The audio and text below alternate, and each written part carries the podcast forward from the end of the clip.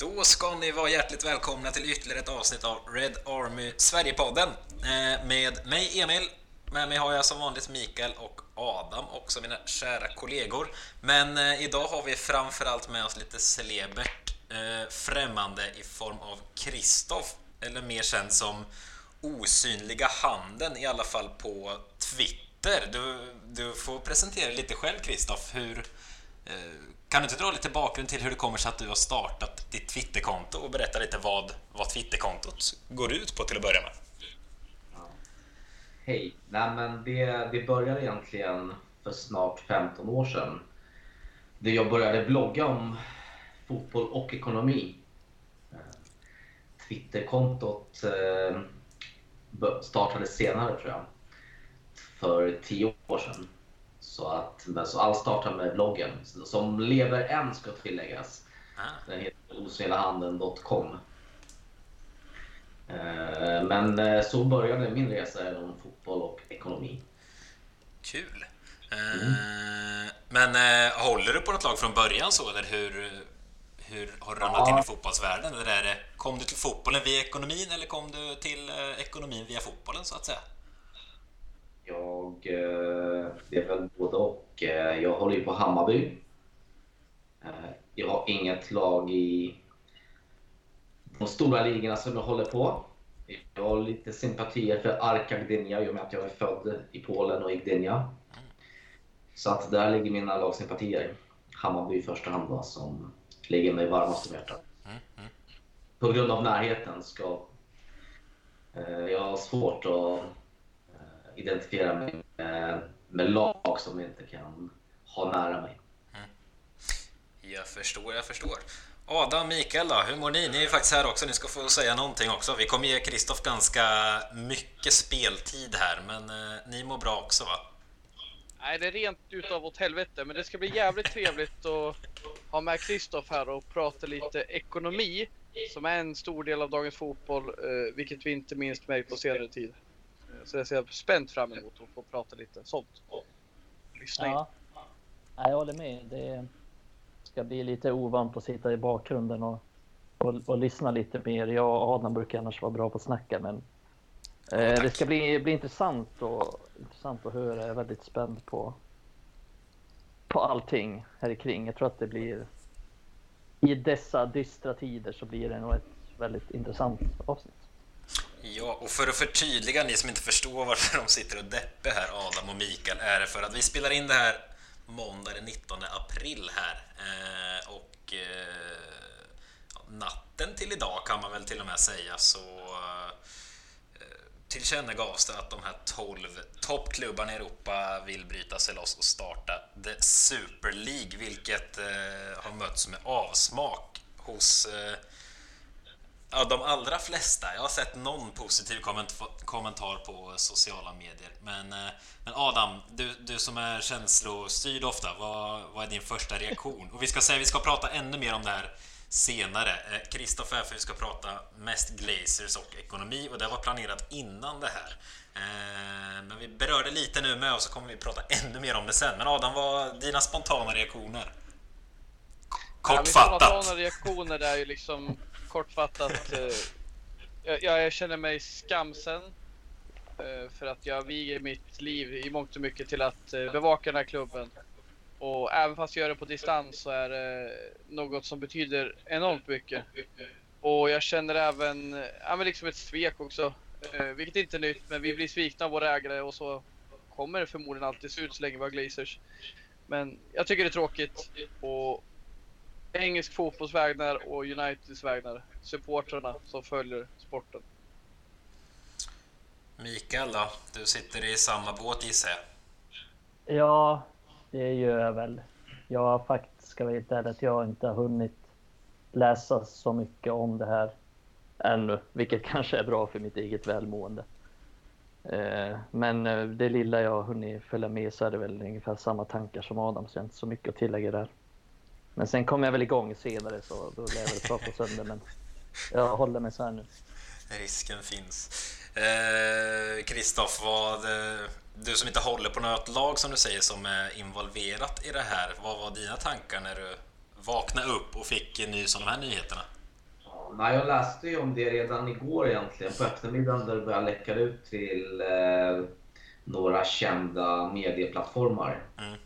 Sen kom väl pressmeddelandet från utbrytarklubbarna sent igår kväll.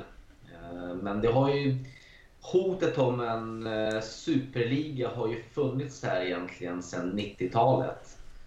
Eh, och det har blivit aktualiserat varje gång Uefa ska förnya sitt format för Champions League. Och då har de stora klubbarna alltid dragit fram sitt förhandlingskort som har varit Superligan. Och eh, det har väl varit lite som vargen kommer så händer ingenting. Och eh, till den här gången hade ju uppenbarligen superklubbarna, om vi får kalla dem så, eh, gått längre och eh, har nu gjort en letter of intent tillsammans med eh, bland annat en amerikansk investmentbank som har committat sig att låna ut en större summa pengar för att finansiera själva starten av den här superligan.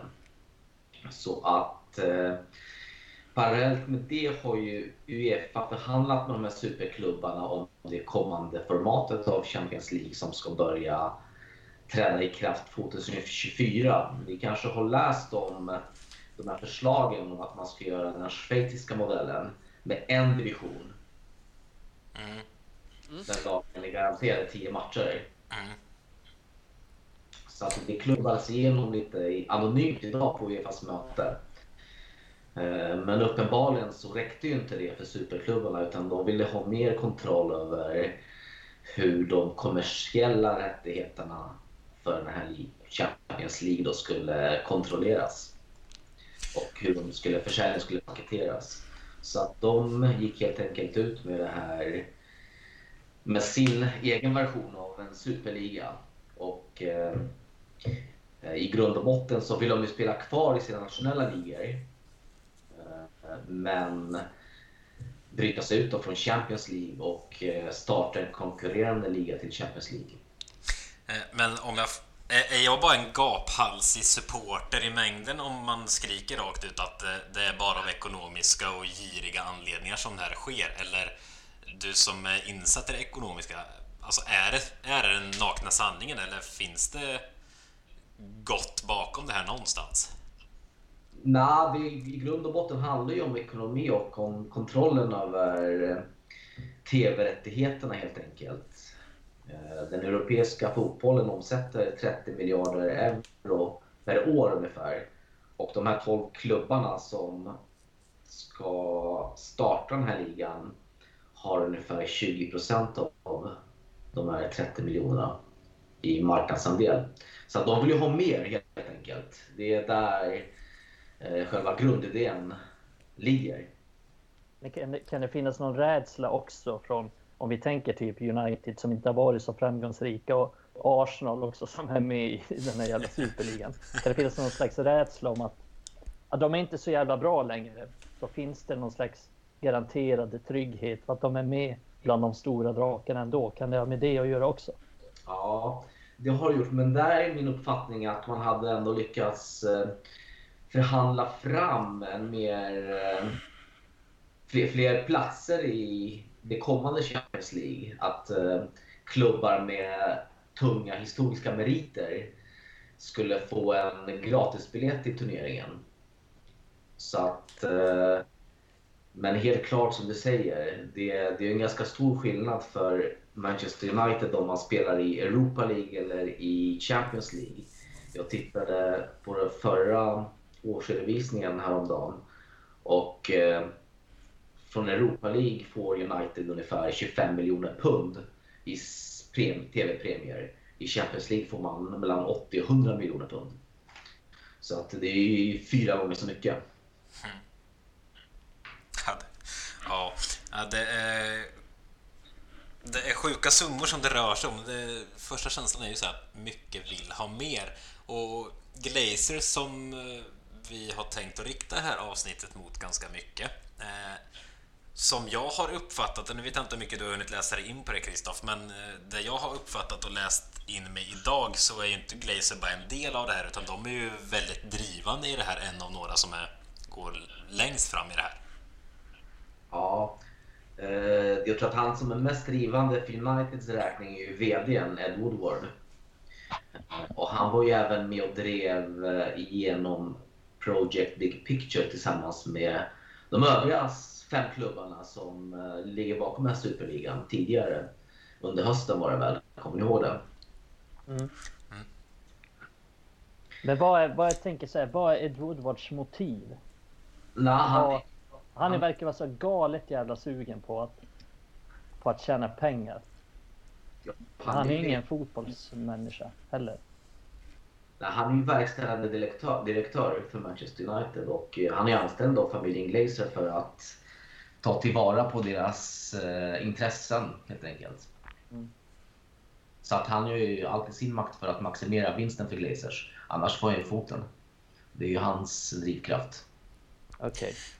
Men, men kan det vara en grej, det som eh, Mikael sa här förut, kan inte det ha en grej i sig att Woodward garanterar ju sin egen plats här som du säger. Han riskerar att få foten och det hade han ju fått om, om United missar Champions League 3-4 år på rad. Då hade han fått foten. Eh, Ja. Det kommer han ju inte ha möjlighet att få nu. Alltså, för nu, ja, nu finns en Super League och där tillhör United så då kan han glatt sitta där och rulla tummarna och få in sina miljoner och göra dåliga spelarvärvningar, känns det som. Ja. Nej, men eh, historiskt så den som får foten om klubben misslyckas sportsligt är ju oftast eh, managern. Mm. eh, Mourinho till exempel. Eh, men så länge United redovisar förväntad avkastning till familjen Glazer i form av pengar då, så sitter nog Woodward ganska säkert ändå. Så att det här är ju en, genom att ha en säker inkomstkälla från Uefa Champions League eller från den här superligan förbättrar ju hans möjligheter att prestera väl på de eh, nyckeltal han bedöms på. Som inte nödvändigtvis är de sportsliga resultaten. Men det är intressant när vi är inne på Woodward. Han är ju väldigt så här. I, I alla uttalanden så är han väldigt mycket så här. Jag vet inte om det är tomma ord bara. Det är lite det jag undrar över. Han är ju väldigt mycket att ja, men United ska bli bäst i världen. Vi ska, liksom, vi ska ha egna talanger, men vi ska köpa de bästa spelarna. Vi ska bli mäktigast, bäst igen. Jag tänker, hur mycket av hans ord är det sant? Och hur mycket är det liksom bara spel för gallerian? Det är ju rökridåer liksom. Det är ju för att hålla oss nöjda samtidigt som han gör sitt jobb. Och som du beskriver bra Kristoffer, det är ju faktiskt hans roll. Och det man är sur på det är att han har så förbannat mycket inflytande i fotbollen och hämmar vår utveckling därför. Det finns klubbar med giriga ägare med en VD som inte är full så jävla fotbollsintresserad. Men som tillsätter folk som är fotbollskunniga. Det har vi sett det på senare tid, men så har det inte sett ut historiskt. Det är galet, Jag är irriterad. Och han är ju, det är ju vad han är liksom. Ja, du, du pekar på en väldigt relevant sak här och eh, United gick ju väldigt bra sportsligt så länge Alex Ferguson styrde skutan. Eh, men när han väl pensionerade sig så uppstod det ett väldigt stort kunskap, kunskapsunderskott på den sportsliga sidan. Och det har United inte lyckats täppa igen. Eh, man har haft eh, en mängd olika managers som ingen har kunnat ja, implementera en långsiktig sportlig strategi. Jag har i alla fall saknat en röd tråd när det gäller sporten och Manchester United. Det har värvats väldigt mycket spelare och det har spenderats väldigt mycket pengar på transfermarknaden. Men det har sällan blivit något väldigt bra av det här. Det är sant, det är, det är bra poäng. United har faktiskt spenderat ganska mycket pengar och det är intressant i sig. Och då tänker man ju så här, vår teori har alltid varit att ja, men United spenderar för att kunna komma topp fyra så att pengarna ska rulla in. Som du sa, det är stor skillnad i Champions League-pengar och Europa League-pengar. Men, men frågan är liksom vad man har för, för tanke där. Att är man, man är förmodligen nöjd med att komma liksom så här tvåa, trea, fyra hela tiden. Eller vad tror du?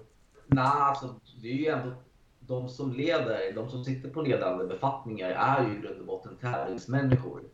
Mm. Eh, Så givetvis ska de ju vinna. Eh, Sedan marginalkostnaden för att eh, vinna en titel med säkerhet är ju väldigt, väldigt hög. Inte, ens Manchester City kan garantera att de vinner ligan, hur mycket de än spenderar. Utan det, det kan dyka upp klubbar som enskilda säsonger helt enkelt är bättre. Så att Manchester United ligger på en förhållandevis hög kostnadsmassa så att det ska räcka hålla dem i absoluta toppen men inte nödvändigtvis garantera de allra högsta ligaplaceringarna. Yes, men jag tänker om vi ska börja gå lite mer, eh, inte i kronologisk ordning kanske, men eh, lite om vi ska gå till grund och botten med hur Glazers kom in i United från första början. Eh, och jag vet, eh, när vi pratade om innan här så United Börs introduk, vad säger man? introducerades, heter det, på börsen 1991. Eh, frågan om vi ska börja där någonstans och liksom vad, vad innebar det då och vad innebär det idag? Ja, men det, kan, det, är lika bra att göra det för att det är ju ändå en liten hint om hur eh, det gick till. Eh, och eh, innan Glazers kom så var eh, Martin Edwards, eller, och, eller familjen Edwards, som var majoritetsägare i Manchester United under en period av 50 år. De ägde 50 procent av klubben. Eh, och Edwards försökte eh, faktiskt sälja klubben i slutet på 80-talet. Eh, det kom vissa krav från den brittiska regeringen att klubbarna var tvungna att uppgradera sina arenor. Och United hade inte, eller Edwards hade inte riktigt de pengarna. Eller han var i alla fall inte beredd att spendera. Så att han försökte sälja klubben 1989 för 20 miljoner pund till Michael Knighton. Eh, och affären var i praktiken klar och eh, klappad. Men eh, Knighton fick problem med finansieringen. Hans finansierare klev ut i sista stund. Så det slutade med att Edwards stod United till börsen för att få in kapital så att de kunde bygga om Stratford End. Och eh, tanken från Edwards sida, i alla fall det han har sagt, var att eh, United skulle ägas av tre olika typer av ägare. En tredjedel av institutionella ägare, vilket alltså är banker och fonder till exempel. En tredjedel skulle ägas av privatpersoner som han själv till exempel. Och en tredjedel skulle ägas av eh, supportrarna. Och eh, hans eh, vision var att supportrarna skulle köpa aktier i börsintroduktionen. Men eh, det gjorde de inte. Eh, sen 1998, jag ska tillägga att Edwards passade själv på att sälja av ganska stor stek av sitt innehav under börsintroduktionen. Han ville helt enkelt säkra sina barns framtid genom att göra dem mindre beroende av Uniteds mot och framgångar. Men 1998 så la eh, faktiskt Rupert Murdoch, han som äger Sky, ett bud på United på 623 miljoner pund. Vilket var en otrolig ökning från eh, hur mycket klubben var värd så sent som tio år tidigare. Och det budet var också accepterat av alla aktieägare. Men det föll på att konkurrensmyndigheterna i Storbritannien blockade helt enkelt affären. De tyckte inte det var bra från ett konkurrensperspektiv. Och anledningen till det var förmodligen för att Sky ägde tv-rättigheterna till Premier League. genom köpet så skulle de eh, anses kunna ha en dominerande ställning på tv-marknaden. Sen 2003 började Glazers köpa aktier via börsen. Eh, september 2003 gjorde man en annonsering till börsen att man ägde 3% i United. I november spenderade man 30 miljoner pund och eh, ökade sitt ägarskap till 14. Eh, februari 2004 var man uppe i 17. Eh, och så fortsatte man köpa upp aktier från marknaden. Eh, 15 oktober 2004 var de uppe i 25 procents ägande. Eh, och man lyckades köpa loss större poster från ett par större ägare i klubben. Och eh, i den 12 maj 2004, tror jag det var, så meddelade man att man närmade sig 70 procents ägande. Och då la man också ett bud på hela klubben som värderar United till 800 miljoner pund. Men, men en, eh, en, fråga där, alltså med tanke på att de liksom började med att bara köpa upp aktier eh, lite från, från ingenstans. Alltså, lite förenklat egentligen skulle du och jag kunna med bra med pengar på fickan, hade vi liksom kunnat knata in där och bara köpa upp aktier precis som Glazers gjorde? Just då? Ja, precis. Det förutsätter att det finns säljare till aktierna. Ja. Eh, men eh, United hade på den tiden ganska många ägare. Eh, den största, efter att Edwards hade sålt sin, en del av sitt innehav så hade han bara, vill jag minnas, 28 procent och han var den enskilt största aktieägaren.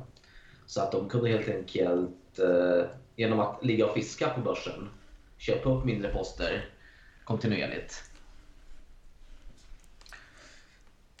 Men varför, eh, varför köpte, eh, varför riktade Glazer in sig på United? Vet man det? Liksom hade de något långt sikte, som det vi landat i här idag 2021 med en Super League? Kan det ha varit en tanke från första början att de ville få det så? Ville de bara tjäna pengar? Eller tyckte de det var lattjo med en eh, världsstor fotbollsklubb? Eller vet man varför de liksom klev in och köpte upp det här?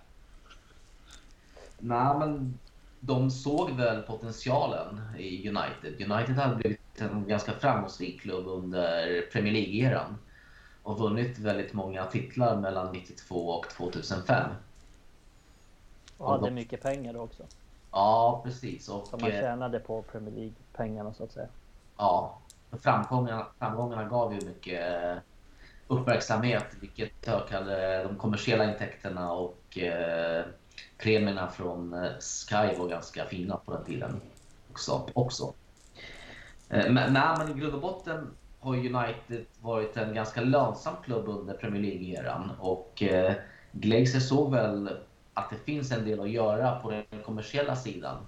Om man kunde kanske paketera om sättet man säljer sina sponsorpaket till så skulle man kunna öka dessa intäkter väldigt mycket och uppnå klubbens potential. Så det är väl det som är grundaffärstänket då, från deras sida skulle jag gissa. Och just affärstänket som du säger där, och alltså med att göra United mäktiga rent ekonomiskt, det måste man väl ändå säga, alltså United-fans överlag äh, hatar ju Glazers rent ut sagt. Men eh, United har ju, sen de klev in, de har ju varit värderade till en av världens högst värderade fotbollsklubbar. Eh, så det har de väl ändå gjort bra, om ni förstår mig rätt? Ja, men precis. Och eh, sponsorintäkterna har ju ökat väldigt mycket under deras eh, tid. Hur, men hur, hur tror du, alltså om... Eh, alltså om Glazer inte hade klivit in när de klev in, hur kunde United, vad kunde det varit skillnaden mot hur United ser ut idag? Hur kunde det ha sett ut? Eller hade det liksom kommit någon annan eh, sån här rackare och köpt upp sig och sett ungefär likadant ut som det gör idag? Eller hur hade det kunnat se ut? Ja, men det är ju det är väldigt svårt att säga, men det är mycket troligt att någon annan hade börjat helt enkelt göra samma sak som Glazers. United saknade vid den tiden en stark ägare. Eh, den som styrde klubben var ju Peter Kenyon eh, som var VD. Han var ingen eh, storägare i klubben utan han var en tjänsteman. Och eh, han tog ju Abramovic över till Chelsea när han köpte Chelsea. Så att United saknade väl en stark man. Eller David Gill kom ju efter Peter Kenyon. Men han var ju ganska grön på sin post då. Eh, men, men eh, om vi ramlar in lite på det som vi berörde i, i början, jag tror det var Mikael, tror jag det var, av oss som sa här i början. Alltså det har blivit lite av en grej att Glazers är nöjda om United kommer topp 4. Eh, alltså rent så, för då kvalificerar man sig för Champions League eh, och då får man intäkter utifrån Champions League. Då har man liksom maxat intäkterna i det närmsta. Kan det vara en sanning eller vad tror du? För man har ju känt lite så här att sen Sir Alex försvann i princip så då har man liksom, det gick dåligt en säsong, då rustade man upp, togs innanför topp 4 men så kändes det som att det blev lite pyspunka igen, man sjönk utanför och så tog man lite fart igen men det kändes inte som man tog fart på riktigt utan man kom 3 4 nöjde sig och så sjönk man igen. Det har varit lite så, tror du att det eh, ligger något i det? Ja, men om man tittar på Glazers äger ju en sportverksamhet i USA Tampa Bay Buccaneers. Eh, nu, nu, vann ju de eh, Super Bowl här i vintras. Så att, eh, men innan dess har man ju generellt varit en ganska svag klubb under väldigt, eller en svag, en, vad heter det, franchise man kallar det för i USA. Under väldigt många år och man var väldigt länge den franchise som spenderade allra minst på spelarlöner. I NFL har man ju dels lönetak, men man har ju lönegolv också. Eh, alltså lönegolv, det är att klubben måste spendera en viss summa för att upprätthålla en viss kvalitet på ligan. Mm. Och Tampa Bay har legat väldigt nära det golvet under väldigt lång tid. Så att man har, inte, man har ju spenderat egentligen så mycket som man måste spendera, men inte så mycket mer. Och det har lett till att de helt enkelt inte har varit särskilt framgångsrika förutom nu då, när de tog Super Bowl. Och det är möjligt att eh, man har ungefär samma bild på, på, på sin affärsplan i United. Den stora skillnaden har ju varit att för att inte gå miste om, om en massa intäkter i den europeiska fotbollen så har man varit tvungen att bibehålla en viss sportslig framgång. Om ni till exempel tittar på Arsenal som har blivit stegvis svagare på planen så har de också förlorat en hel del intäkter och deras lönsamhet har blivit allt sämre. Och det vill man ju undvika som klubbägare. Eh, en annan fråga som jag alltid tyckte lite intressant men som jag inte är så kunnig i och är så insatt i Eh, det är ju det här att man kan läsa att liksom Glazers tar ut pengar från United. Alltså hur, hur funkar det? det? det? är väl inte bara Glazers, det är ju många andra ägare också i toppklubbarna. Men alltså, vad är det som sker i det här läget? Plockar verkligen Glazers ut pengar och gör United fattigare genom att ge sig själva rikedom? Eller hur funkar det? Ja, men det, det kan egentligen delas upp i två saker. Eh, Glazers, när Glazers köpte United Eh, totalt betalade man väl inklusive sina tidigare köp från börsen så betalade man väl 790 miljoner pund. 500 av de miljonerna eh, lånade man till. Eh, så att, eh, och den skulden ligger kvar än idag och den, den tickar ju ränta. Eh, idag är den räntan ganska låg så att Eh, det kostar United ungefär 20 miljoner pund om året i räntekostnader. Och det är ju pengar som, som finansierar Glazers köp av klubben och deras värdeökning i aktierna. Sedan den andra delen är ju utdelningar. Eh, United är ett aktiebolag och aktiebolag kan dela ut pengar till sina ägare. Och eh, senaste året lite drygt 20 miljoner pund till sina ägare.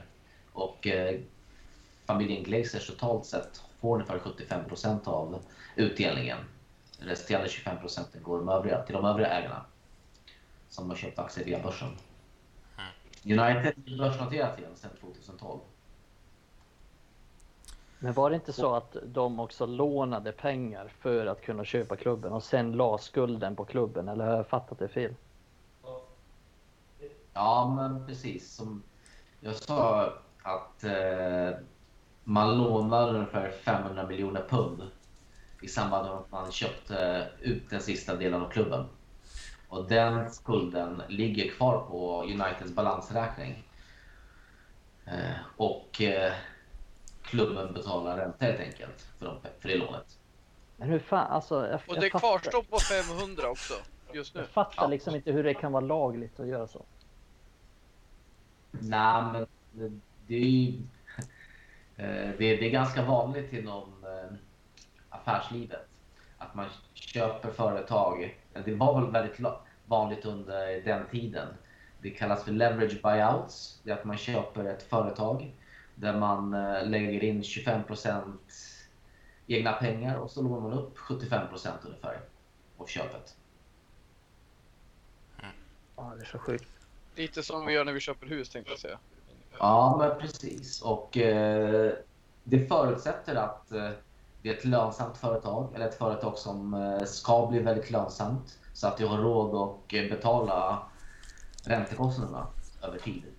Men kommer. United, kommer United bli av med sin skuld någon gång? För den här skulden har ju funnits ja, sedan de köpte.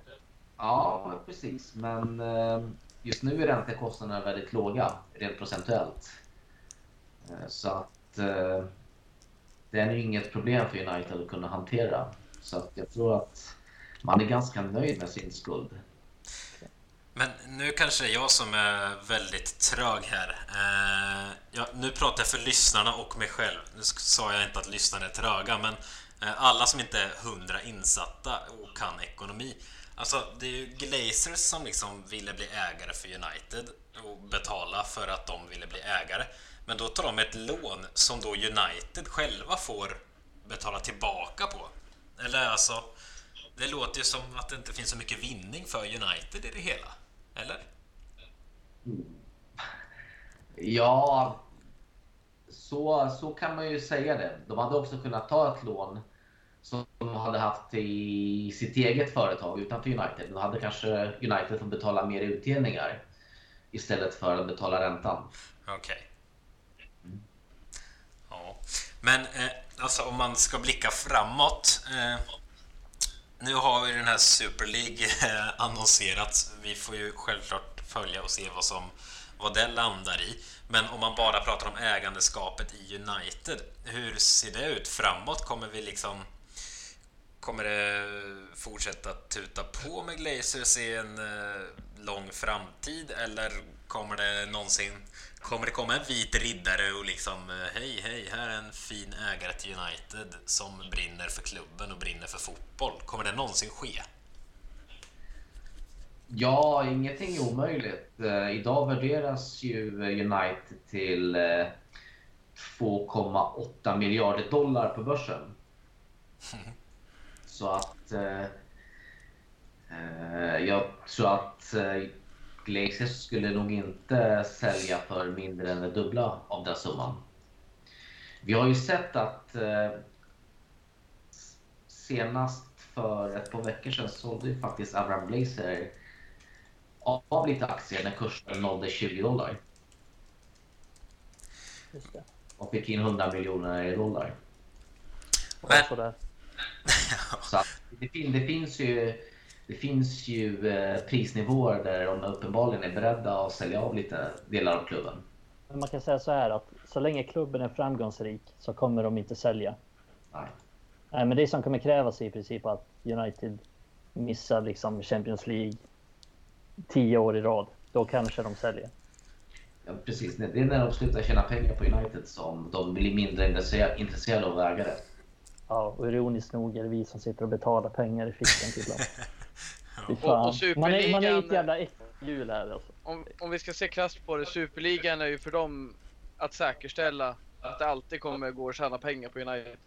Det spelar ingen roll vad som händer så kommer de alltid vara en av the founding members. Och det är därför de står där i täten.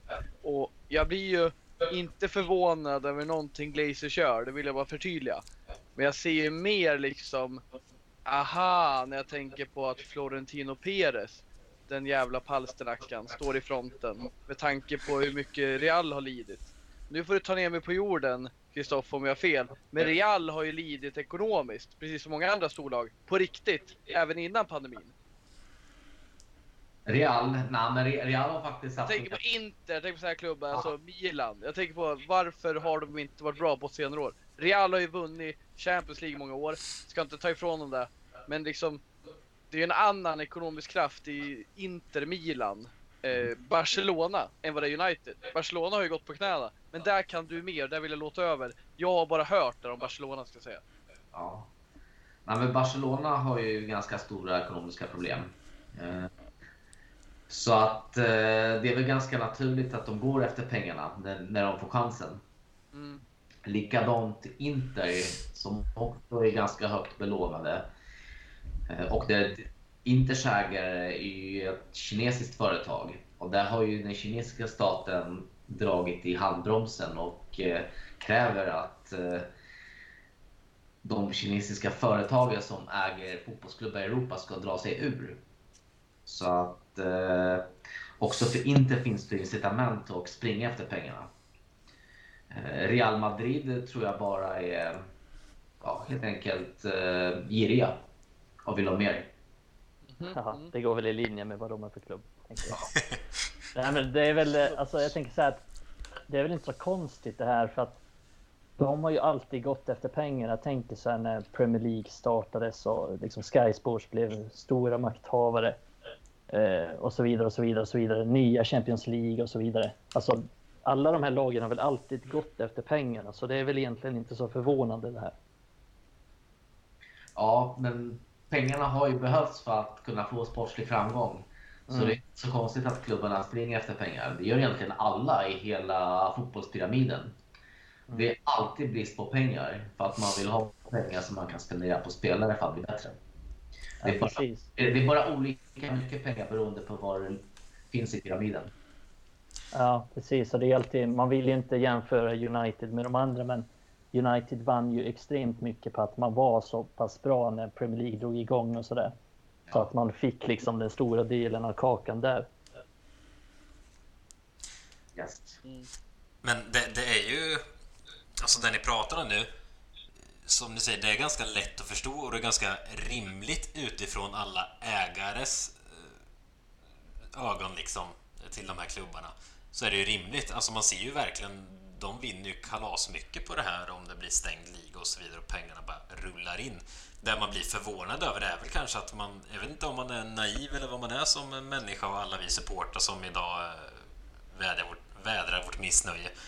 Alltså man trodde väl kanske att höjden av girighet var uppnådd någonstans. Man trodde väl kanske att äh, de lägger inte fram sånt här jävla skamfyllt förslag. Någon, eh, någon form av värdighet finns det väl i alla. Men uppenbarligen gör det ju inte det. Det är väl det kanske som är största sveket mer än att man är chockad. Alltså det är mer...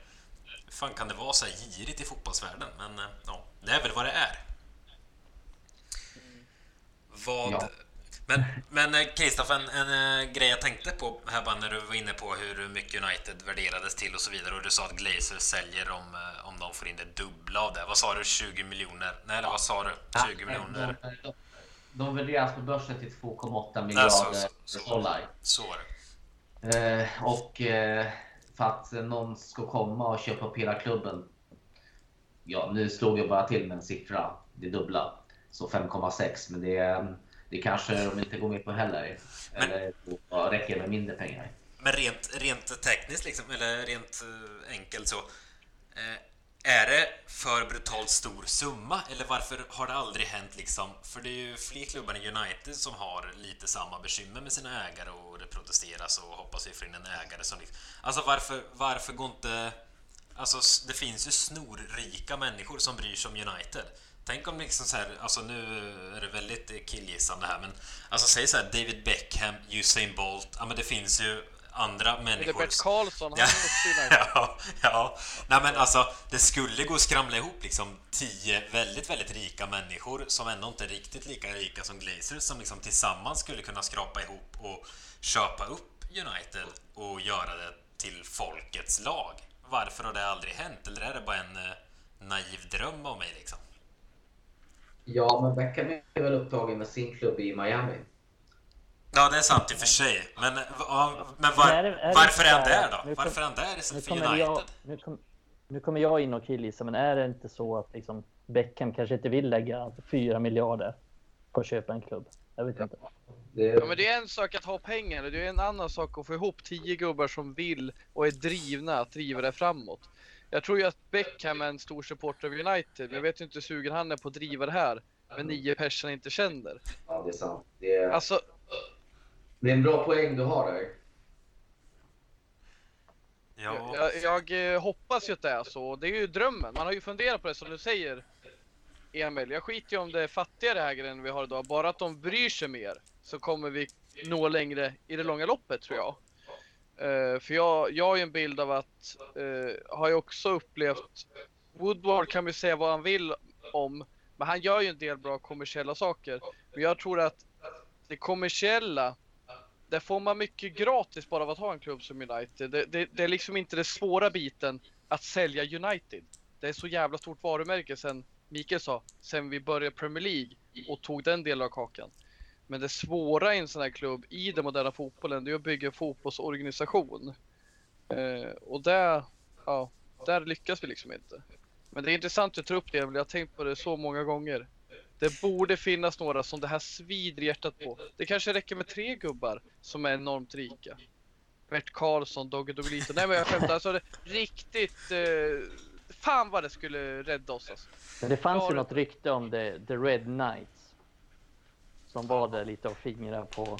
Men jag vet inte hur aktuellt det var egentligen. Ja, det var väl i början av 10-talet. Ja, precis. Men de... Eh, eh, de jag, vill jag vill vill minnas att de ville bjuda 1,1 miljard pund. Vilket Glaciers tyckte var alldeles för lite pengar på den tiden.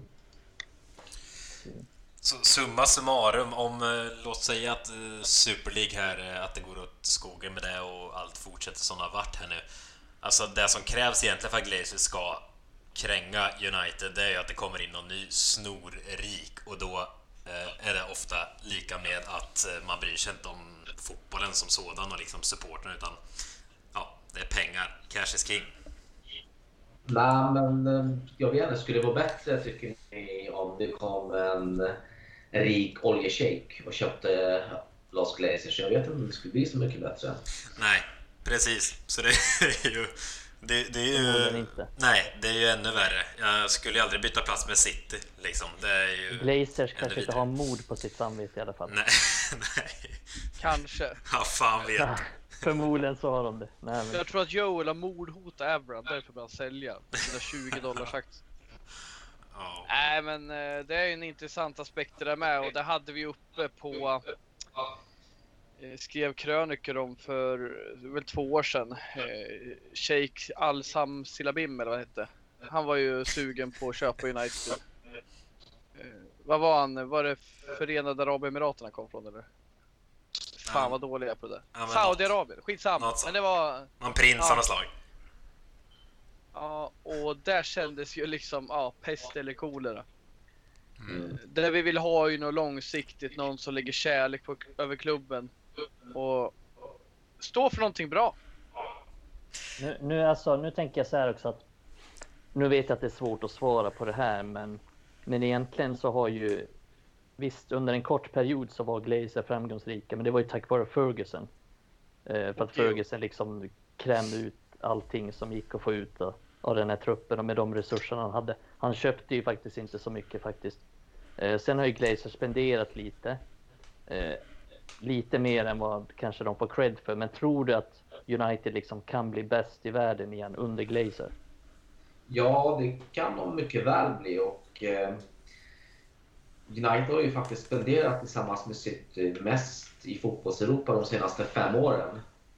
Om man tittar på nettoutgifter på transfermarknaden. Och man har väldigt höga personalkostnader. Så att eh, ekonomin finns ju på plats. Det, knäckfrågan är ju att man kan sätta en sportslig organisation som också får bang for the bucks. Alltså att de faktiskt gör rätt förvärv. Inte spendera massa pengar utan att spendera pengarna bättre än vad man har gjort. Ja, just det. Eh, Jag håller nog med om det, men många menar ju på att United kommer aldrig vinna något under Glazer för att de liksom är så giriga och de bryr sig inte om resultat, bla bla bla. Men du tror alltså att det är bullshit? Det tror jag. Ja, om de, har, om de eh, få, om, man, om de lyckas rekrytera en tillräckligt bra sportslig organisation så har de tillräckligt med resurser för att kunna bygga ett United som är väldigt starkt på planen. Och de, för dem är kanske inte den ekonomiska nyckeltalen viktigast, utan för dem är det viktigast att vinna på planen. Men eh, jag har en tanke som slog mig bara. Alltså vi sitter här och, ja, eller ja, runt om i supportersvängen så spys det ju rätt mycket galla över Glazers och så vidare om man tycker att det är skit. Men eh, som du är inne på med shaker och hit och dit. Alltså, om vi tar de här 12 klubbarna nu som eh, är med i det här Super League. Är det någon, någon supporterbas där som liksom sitter och ja, men vi har kanonägare? Alltså, är det inte lite samma skit i alla klubbar rent ut sagt? Ja, eh, alltså problemet är ju att supporterskapet för de här superklubbarna har blivit mer globalt. Eh, det sitter ju folk på andra sidan jorden och håller på de här lagen. Och eh, de kanske inte bryr sig så mycket om vilken liga de här lagen spelar i. Om det är Premier League eller om det är Champions League eller om det är Europas Super League. Utan de, de är väldigt Eh, ja, jag, vet inte deras preferenser. Men hur, hur många, har inte United själva sagt att man har 333 miljoner fans runt om i världen? Ja, ja. Jag tänker att ett, alltså en klubb som City måste ju vara väldigt nöjda med sina ägare såklart eftersom de var ett nothing team liksom. En, de var en liten klubb. Och ja. så kom det in en shake som liksom bara spädde pengar över dem. Ja, det, det allmänna intrycket är ju att om man diskuterar med City-supporter om att deras ägare kanske inte är 100% eh, kosher, om man kan uttrycka det så, så får man eh, typ tillbaka, man tillbaka kakan ganska kraftigt. Ja, precis. För att, ja, det säger väl en del om supportrar också. Att jag tänker väl att de City-supportrar i grunden, det är klart de inte vill ha en tjej liksom, som äger klubben. Men jag tänker också att det är så lätt att hamna där som fotbollssupporter att man, ja, de, den klubben vinner och ser på City den här säsongen. Jag tror inte så många City-supportrar klagar. Det är så lätt liksom att man luras med i det och släpper på sina principer bara, bara titlarna rullar in så att säga. Och det ser man ju på United också att varje gång egentligen det blir protester mot Glazer, det är när det går dåligt sportsligt. Eh, när det har gått bra så har man varit... Det är klart United-fansen och vi inte är nöjda med Glazer, då har man varit ganska tyst. Utan det är mest när det går dåligt som, som det kommer fram och det är väl kanske naturligt, men det är lite intressant i alla fall.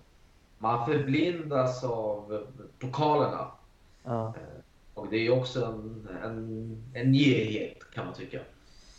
Ja, men det är det väl. Vi, vi, vi hamnar alla där. Samma skrot och korn allihopa. Ja, vi är alla jävla hycklare som hamnar där. Det, det är så det är. Ja, ja, men du Kristoff, det var jäkligt kul att ha med dig här. Jag, jag har lärt mig en hel del i alla fall och fått lite andra infallsvinklar till, till Glazer och hur, hur det funkar så. Mikael och Adam, har ni något eh, ni vill tillägga och, och något ni känner att vi inte fått med oss?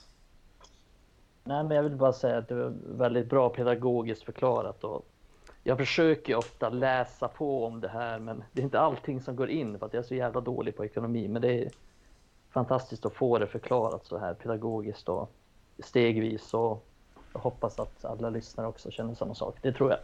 Verkligen. Det är svårt tycker jag.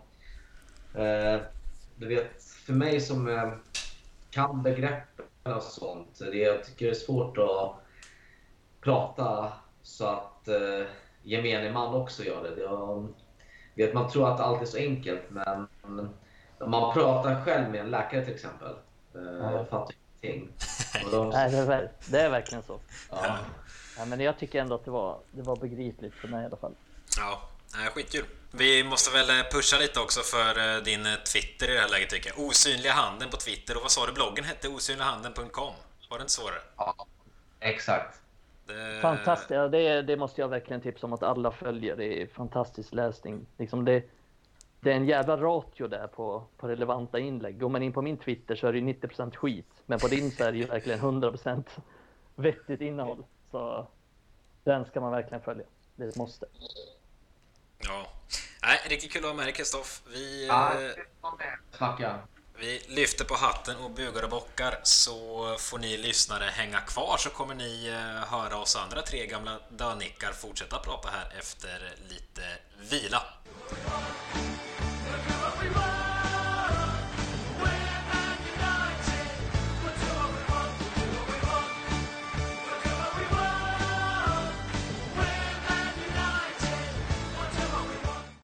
Var vi tillbaka med första kedjan. Eh, inte för att Kristoff inte platsar i första kedjan, men att han, eh, han får vara tränare i vårt lag här. Nu vet jag inte, nu vet jag inte vad jag landar i. Vi har. Mikael Krekula på vänsterbacken. I en kedja. Fin Ja, vänsterfot. Mhm. Ja, Odugligt spelsinne. Nej, fy fan. jag ramlade in Enda på jag hade bra hockeytermer där när jag körde. Ja, ja. Jag försökte köra hockeytermer här med en första kedja, men det verkar inte Adam hänga på. Nej, jag har ingen bra hockey i Katrineholm heller. Jag hade en finsk, Nej, det har vi jag hade en finsk tränare Nej. i fotboll. Han kallade, han kallade det för kedjan. Eller sedjan, som han sa. Du, du spelar sedjan! Man pratar väl så där du kommer ifrån? Gör man det? Åh, fy inte där. fan vilken fördom. Du hör ju. Pajala är inte det så högt upp att det blir liksom eh, finlandssvenska nästan? Nu jävlar, Nej, nu måste nu- vi stänga ner det här innan det går bryt. obekvämt långt. Ja, men seriös fråga, vart ligger Pajala geografiskt? Jag har inte jättedunderkoll. Hur nära Haparanda är vi? I Mikael, vart i Karelen ligger Pajala? Karelen? Så Emil får fram det han vill. Nej, men det är väl ehm, med Norrlands mått mätt så är det ju nära Haparanda, men det är väl typ 20 mil ifrån. Men Haparanda ligger också på gränsen mot Finland och det är ju Pajala också.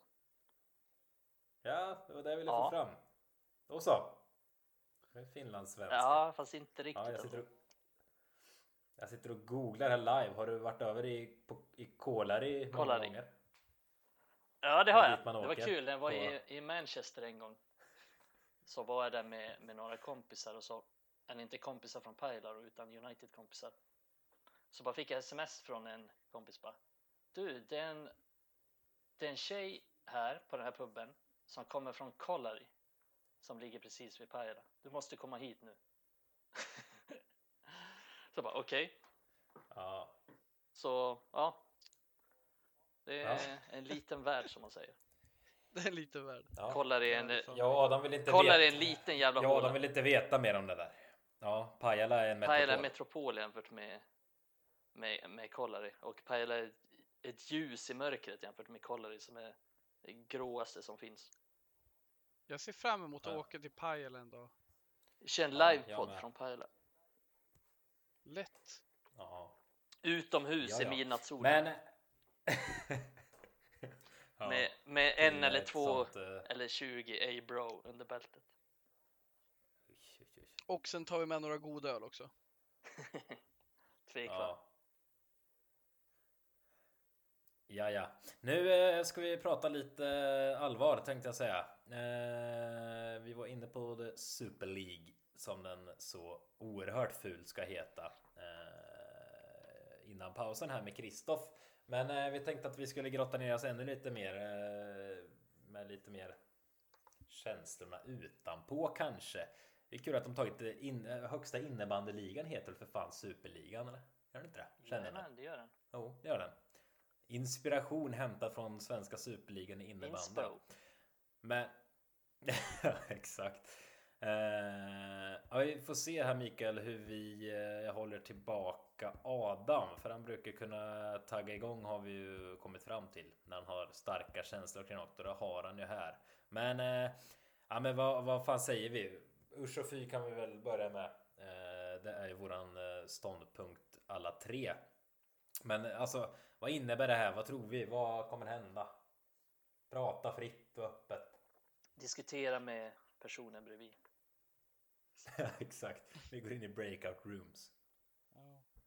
ja men mycket är ju mycket är ju rädslor liksom, mycket påminnelser om den verklighet vi är i, mycket är ju ja men ja, en besvikelse för det ägarskap vi har. Jag tycker ju att det spelar ingen roll om man har 51% regeln eller om man har en ägare. så hoppas man ju att man kan eh, bli varse om sånt här, att man kan få med och påverka, men det intresserar ju inte våra ägare och jag är ju rädd eh, som fan av United, som fan av engelsk fotboll, vilka negativa följder det här kan ha för, eh, ja, för United eh, traditionellt liksom med allt de genomgått och även eh, vad det kan innebära för ligasystemet eh, som United har en solidarisk del i eh, och bidra till dess storhet liksom. Ja, Mycket rädslor. Vi vet ju inte så mycket än, men jag mår dåligt av skiten. Och jag har haft en riktig piss idag på jobbet. Och det baseras ju inte riktigt på faktor. Det är mycket rädslor. Man mår dåligt över att ja, det, det här äventyrar eh, något som jag tycker om. Något som har funkat för mig i alla fall. Det har inte varit klockrent med allting, men jag älskar engelsk fotboll som den är idag och jag är rädd för följderna. mm. Och det är ju lite så att man inte riktigt vet vad som kommer hända, lite som Christos också, om man kommer överens kanske. Det är svårt att, att spekulera i och nej, jag, man är rädd, alltså det kommer många Alltså, så här känner man lite på senare tid att det kommer sämre och sämre förslag och lite det här med VAR också att alla inser ju, de flesta i alla fall majoriteten, att det funkar inte. Dels funkar det inte och dels är det inte kul. Alltså det är inte kul längre. Det är ingen som tycker att det är kul. Jag kommer ihåg jag hade en period förra säsongen när jag kollade på Liverpool mot Wolves tror jag. Och det har ju delvis att göra med att Liverpool var på väg att vinna ligan. Men det, det var, Wolves gjorde ett mål och så var det liksom en tåspets som var offside. Och då kände jag bara, nej jag, jag stänger av det här. Varför ska jag kolla på det här? Jag pallar liksom inte se det längre och, och lite så är känslan nu när det här beskedet kommer. Men kommer folk sluta kolla då? Alltså jag, jag är med er, men som ni säger, vi vet inte exakt vad det här kommer landa i. Det kommer säkert dröja eh, innan det har landats i någonting. Men kommer det verkligen ske? Kommer folk bojkotta? Hur många har egentligen slutat kolla på fotboll på grund av att VAR har kommit in? Det är väl tre människor på hela jorden kanske. Även att jag hatar VAR, men jag sitter ju här ändå och kollar. Jag hatar nya Super League. Kommer jag sitta om fyra år? Jag vill fortfarande. Jag älskar fortfarande själva spelet fotboll. Kommer jag nöja mig med att gå ner och se eh, någon lokal gärdsgårdsklubb i division 6 då? Eller kommer jag inte sitta lördagar och titta på TV? Det enkla svaret Det är intressant. tror jag är att de flesta kommer fortsätta att se. Och vi... Jag får ju lite känslan av att det här kommer som en chock för många. Men som Kristoff sa, det här har ju varit på gång under en längre tid. Och jag känner också att det här är helt i linje med vad som har hänt de senaste 30 åren. Alltså vi var inne på det lite innan, bildandet av Premier League. Det var, liksom, det var ju protester och argt fotbollsfolk redan då. Och när Glazer tog över United 2005, alltså inte en stor del, men alltså en betydande del av vår supporterskara lämnade United och har liksom inte kollat tillbaks. De startade sin egen klubb FC United och även om många inte slutade följa United så slutade de gå till Old Trafford för att de inte vill stödja Glazer. Så att de senaste 30 åren så har det hänt många saker som har gjort att folk har successivt tappat suget och det här är en, alltså det är ju liksom en fortsättning på det. Och jag tror ju att de flesta kommer fortsätta och, och se på liksom Manchester United, på Barcelona, på Real Madrid. Och folk vill ju se också en... Jag tror att många vill se på en superliga. Alltså folk vill se Manchester United mot Barcelona. Folk vill se Real Madrid mot Liverpool. Tyvärr. Så jag tror att ja, det kommer finnas några som som slutar helt och hållet. Men de flesta så kommer fortsätta följa tror jag.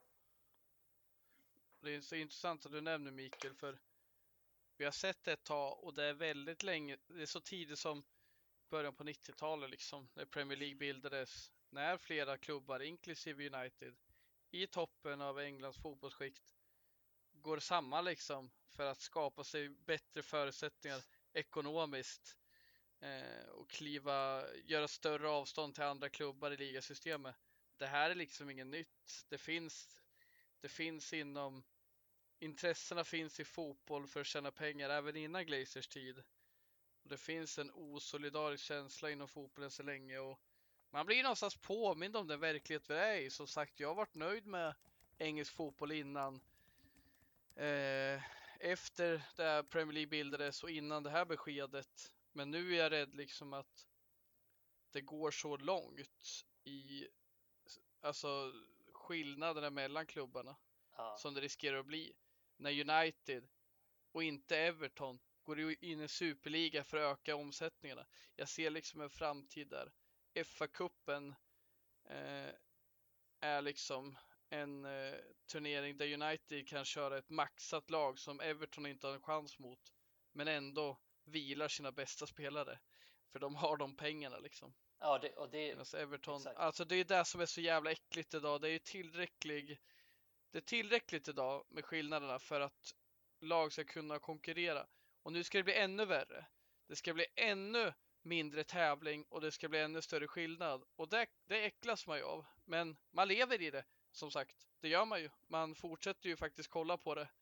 Och frågan är om man kommer göra det med samma intresse eh, som man gjort tidigare engelsk fotboll, den handlar ju liksom för mig om traditionen, kulturen, att lära känna alla klubbar, att möta dem, att de alla har chansen.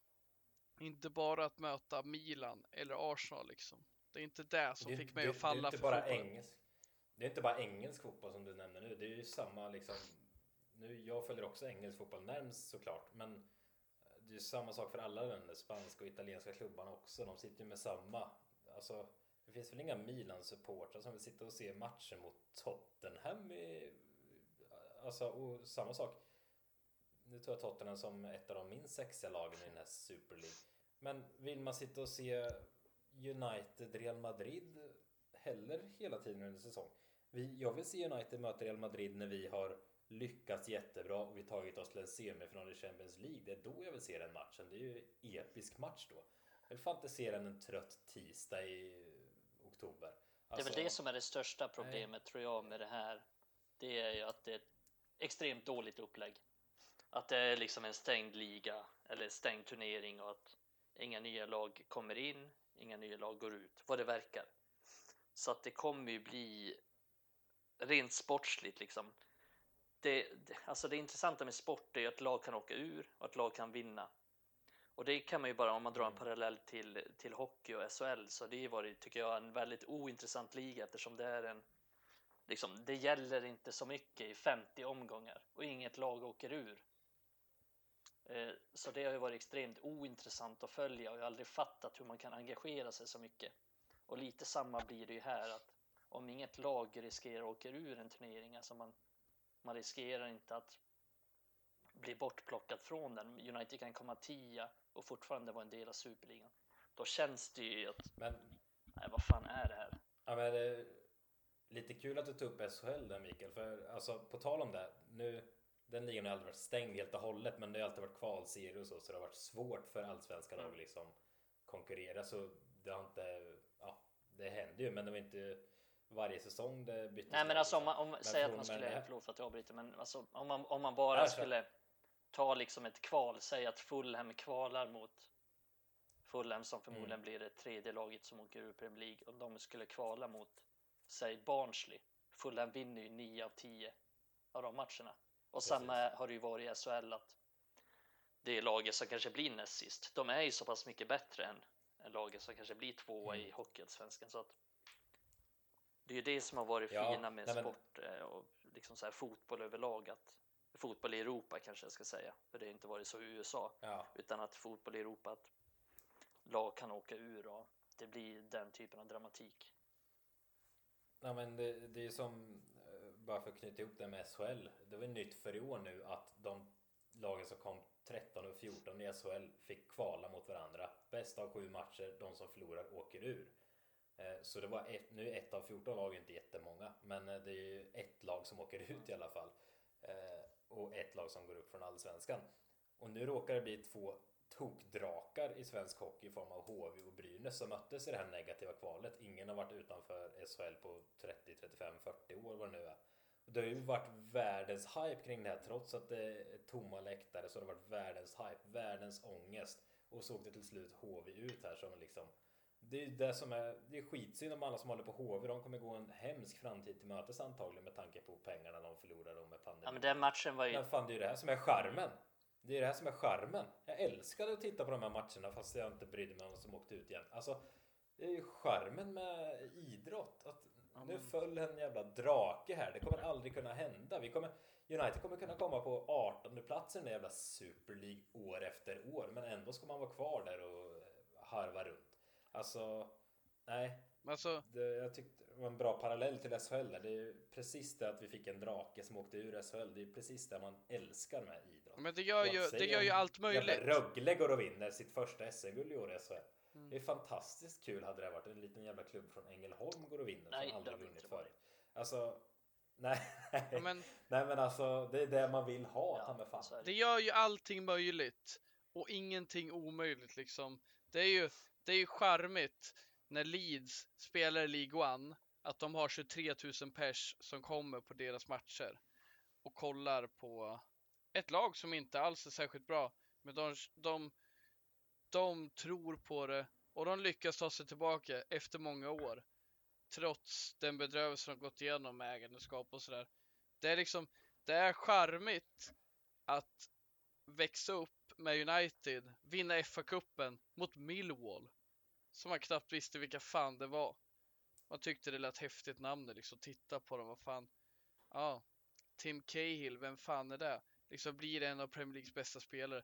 Det är sånt man gillar med engelsk fotboll. Det är möjligt och det ska vara möjligt. Och är det inte det, då dör fotbollen. Och när man begränsar sånt här för mig, alltså jag kommer tappa kärleken för allt som händer det handlar inte bara om Super League, det handlar om den moderna fotbollen, dess ägare och vad de kan göra utan supporternas vilja. Jag vill, jag vill inte, alltså nu pratar jag inte bara för United-supporten Adam, för jag kan fastna i, visst jag kan se jag, jag kan se det i enskilda fallet liksom, ah, det är till Uniteds fördel, vi är en bättre liga, vi pissar på Efa, vilket jag gärna gör, de är inte Guds gåva på jorden. Uefa kan fara åt helvete liksom. Men det är inte där det handlar om. Hade det handlat om en ren förhandling där man vill förbättra förutsättningarna eh, där kanske Uefa får en mindre del. Fan vet jag. Vi snackar om något annat. Men nu vill man pissa på Uefa, vilket är helt okej med. Men jag pissar också på Premier League och den jävla, det här jävla ligasystemet som har byggt upp den kultur som vi idag sitter med på United. Utan matcher mot Blackburn i sista omgången, alltså utan matcher mot Millwall, så hade vi inte haft vår kultur. Och vår trippel, den kan fara åt helvete om vi lämnar Champions League och till och med går så långt att vi går emot Premier League så vi inte kan delta där. Nu kanske inte det händer, men jag vill bara sätta det i kontext. Swansea tar sig från League 2 upp till Premier League och vinner ligacupen. Det är en sån här sak som jag kan berätta för mina barn när de frågar mig Adam, eller pappa, farfar eller vad fan det blir i framtiden. Varför älskar du engelsk fotboll? Jo, kolla på det här jävla gänget. Leon Britton hänger inte med hela vägen i West Hams ekonomi. Han drar till Swansea League 2. Han tar upp dem till Premier League. Han vinner ligacupen. Wigan vinner mot City i FA-cupen. Det ger mig hopp. Det ger många hopp och det är det som är så jävla kul. Och, och sen råkar jag heja på United som är ett fantastiskt lag som har gett mig så mycket fina minnen. Men det är så mycket mer än det. Och det tär på mitt hjärta att få gå igenom det här. Och det är liksom som en... För mig, det är som en... Liksom, vi vet om det, det är inget nytt. Och vi är naiva och vi är idioter, jag vet. Det är som att liksom komma på att just den där kometen som skulle komma till 2025, den är på väg nu. För nu är det 2025 snart. Så det är bara att invänta döden och det har jag insett. Fotbollen är död för länge sedan och jag blir påmind om det nu. Det, Och det gör mig så förbannat jävla ledsen det, är, det är bra att du säger det, eller intressant att du säger det med den moderna fotbollen. Och det får mig att tänka på att det här förslaget, jag tror anledningen till att det väcker upp så stora känslor, det är för att det är så konkret för oss. För att det blir så stor förändring. Det blir liksom, vi kommer få se Manchester United mot Real Madrid. Det är en lunk, en ny turnering som vi inte vet någonting om. Och den kommer vara, som vi var inne på tidigare, det är inget lag som kommer åka ur den. Och det kommer inte komma in några fler lag. Det blir så konkret för oss. Eh, och det har inte varit innan. Vi kan tänka på, vi kan dra parallell till Fifa och Uefa som man bör såga längs fotknölarna. Ta till exempel VM i Qatar. Visst, nu är det lite små protester här och där, men det är knappast den storm som har blivit nu. Och där har ju folk faktiskt dött, liksom. Det är slavhandel i Qatar, men det är inte lika konkret för oss. För oss så spelar det inte så stor roll om VM spelas i Qatar eller om det spelas i Kolari i Finland. Utan vi kommer ju fortfarande se på USA mot Brasilien i en match på TV. Och det kommer vara VM och det kommer vara liksom lika stort intresse. Men här så blir det så konkret, det blir en så stor förändring. Och det blir, som jag sa innan, ett värdelöst jävla tråkigt upplägg som gör att det kommer bli helt ointressant att följa det här tror jag. Eh, jag har ju redan känt att Champions League är lite, lite urvattnat. Hoppas ni förstår vad jag menar. Att det är, det är ungefär samma lag som är där uppe i toppen. Och nu när Barcelona åkte ut i kvartsfinal eller vad det var, åttondel kanske det var, var så var det ju typ första gången på tio år som de inte var i, i semifinal eller vad det var. Nu drar jag från höften, men det typ något sånt var det. Och det säger ju en hel del om att Champions League kanske inte har varit så intressant det heller. Och det är också en så här modern fotbollgrej att det är ungefär samma lag som har härjat där uppe hela tiden och även om det är ett bättre upplägg än det här nya förslaget så, så har det ju någonstans alltid funnits den moderna fotbollen har hängt med som jag sa de senaste 30 åren och ja, det här är väl en naturlig utveckling av det. En tråkig utveckling men en, men en utveckling som vi kanske måste acceptera eller åtminstone protestera mot. Vi kanske måste, vi kanske måste göra något slags uppror. Jag tror att spelarna måste göra något slags uppror för att, mm. för att få bort det. Jag tänker också att ta de största spelarna, så här, Ronaldo, Messi och så vidare. Vad skulle hända om de, säg att Ronaldo och Messi skulle få för sig att bli vänner och bara skriva till varandra. Fan, vi går ut och liksom drar ett meddelande om att vi kommer inte ställa upp i, de här, i den här nya superligan. Vi, vi skiter i det. Vad skulle hända då? ja, men de har ju någon slags, alltså de har ju sån stor makt tror jag att. Ja, ja. De har ju den megafonen också. Ja. De kan ju göra det väldigt Men jag tror inte enkelt. att de skulle våga göra det. What's for me? Va, va? Men tänk vilken jävla, alltså, det vore fan bra ur så här PR-synpunkt. Tänk om Ronaldo hade gjort det. Alla hade ju älskat honom. Alltså alla hade älskat ja. honom. Tror fan det, tror fan det hade varit smart. Vad har de att förlora på det egentligen? Han är ändå jag slut. Han är ändå slut. Men vad, ja, ja, han är ändå gjort allt. Men vad, ja, men alltså, jag tror inte heller det kommer ske, men vad skulle exempelvis Ronaldo och Messi ha att förlora på? Ja, ja, alltså som du säger, de skulle bli rakt över älskade i fotbollsvärlden förutom av de här äckliga små ägarna som sitter Men de är oavsett älskade i hela fotbollsvärlden. Nej, det är det som är problemet. Jag säger vad, alltså, jämf alltså om du jämför då med Bappé och Rashford med deras populära status, med deras storhet, med deras framtid. De kan ju påverka hela sin framtid. De kan ju välja att gå en väg nu där de demonstrerar för att få en framtid som de växt upp med, eller där de vill ha liksom. Ronaldo Messi, jag förstår vad ni menar, men varför ska de som redan är älskade redan ha karriären över? Varför ska de lägga den manken till liksom? Nej. Det är ju som en 64-årig gubbe på jobbet. Han gör ju inte mer än han behöver oavsett hur mycket han älskar laget han jobbar för. Jag vet. Det... Han ska ju snart gå i pension. Man är väl så jävla naiv att man tänker att de älskar väl fotbollen som sådan också och ser vart de har kommit ifrån. De tillhörde inte världens bästa, eller okej, okay, Messi ju tillhört Barca sedan han var ett år ungefär.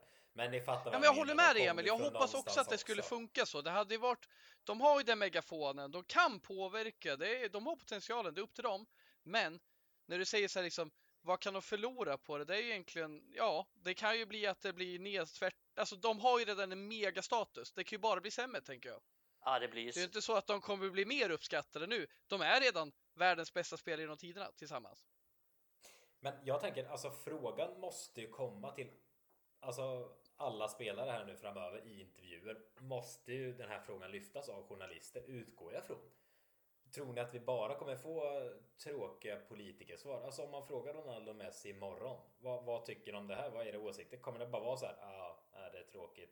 Eller det är så här, ja, ah, vi hoppas på det bästa för supportrarna och, och, det är sagt att det här blir nog bra. Så vi är med här. Ja. Hej hej! Tyvärr, det kommer vara tråkigt.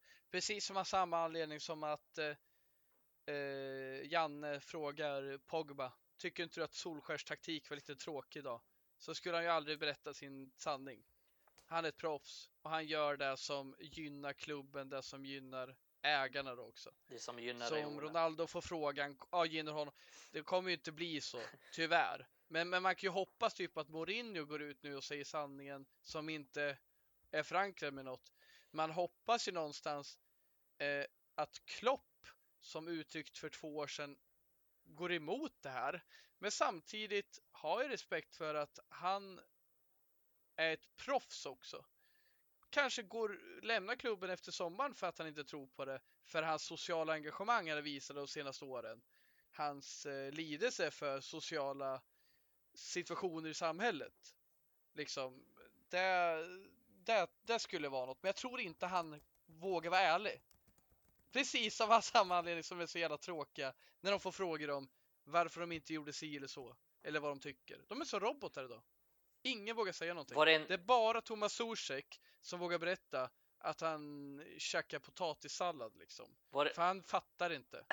vår enda räddning det, det är Rashford. Det är vår enda räddning just nu. Och du tror att han kommer säga sanningen? Nej, det tror jag inte. Men, men tror ni, oavsett hur mycket supporterstorm det blir runt om i världen. Jag, jag tror ärligt talat att det, det har noll jävla påverkan alltså vad supportrar säger och tycker och tänker. De skiter fullständigt fan i det. För, alltså farhågan jag har, det är så här. Ja men som vi pratade om förut, vad beräknar man att United har 333 miljoner eh, supportrar världen över? Ja, men vi kör det nu, men väldigt många, alltså det, det sitter de här, det sitter folk i Asien, det sitter folk i USA, det sitter folk i Sydamerika. De kommer älska, det, alltså så här själlösa supportrar, ni vet vad jag menar, som kommer sitta och säga åh kolla vi får 14 eller Och i Sverige. här i, på en månad, vad roligt. Och i Sverige. De finns överallt de där. Alltså, och de kommer fortsätta köpa tv-rättigheterna. Jag kommer eventuellt också göra det. Jag önskar att jag här och nu kunde svära på att jag kommer inte köpa några jävla tv-rättigheter till det här. Jag vägrar följa det här. Jag vet inte. Jag kommer kanske sitta om 3-4 år och känna att ja, men jag vill väl ändå se Mbappé och Haaland och Rashford och Greenwood när de är bäst i världen. Jag vill kunna se dem spela fotboll. Jag vill fortfarande se fotboll på världsnivå. Det är det roliga. Men eh, ja, nej, jag vet inte. Jag vill säga att jag kommer bojkotta, men. Men det är, det som jag sa, det är som jag sa innan med Gla- alltså när Glazer tog över. Det blir, alltså det blir enorma protester och det var ju svinmånga som alltså slutade följa United. Och Ja, men det blir en ja, ny precis, verklighet. det blir en ny verklighet. till slut. Men Och se då- på vad som har hänt. och det är man med det. 2005. Det är över 15 år sedan. Vi är fortfarande här. Old Trafford är fortfarande fullt. Mm. Och jag tror att Mm. det kommer fortsätta vara det oavsett vad som händer. Alltså det vi är bara another brick in a wall. Liksom det, och vi har jag, jag tror att det måste Ja. landa i att det måste landa i att spelare och ledare, alltså om spelare börjar gå ut och säga jag kom, alltså men tänk om Mbappé förslagsvis, nu till en PSG som inte ska vara med i det här än så länge. Men säg att, säg hela Uniteds spelartrupp då.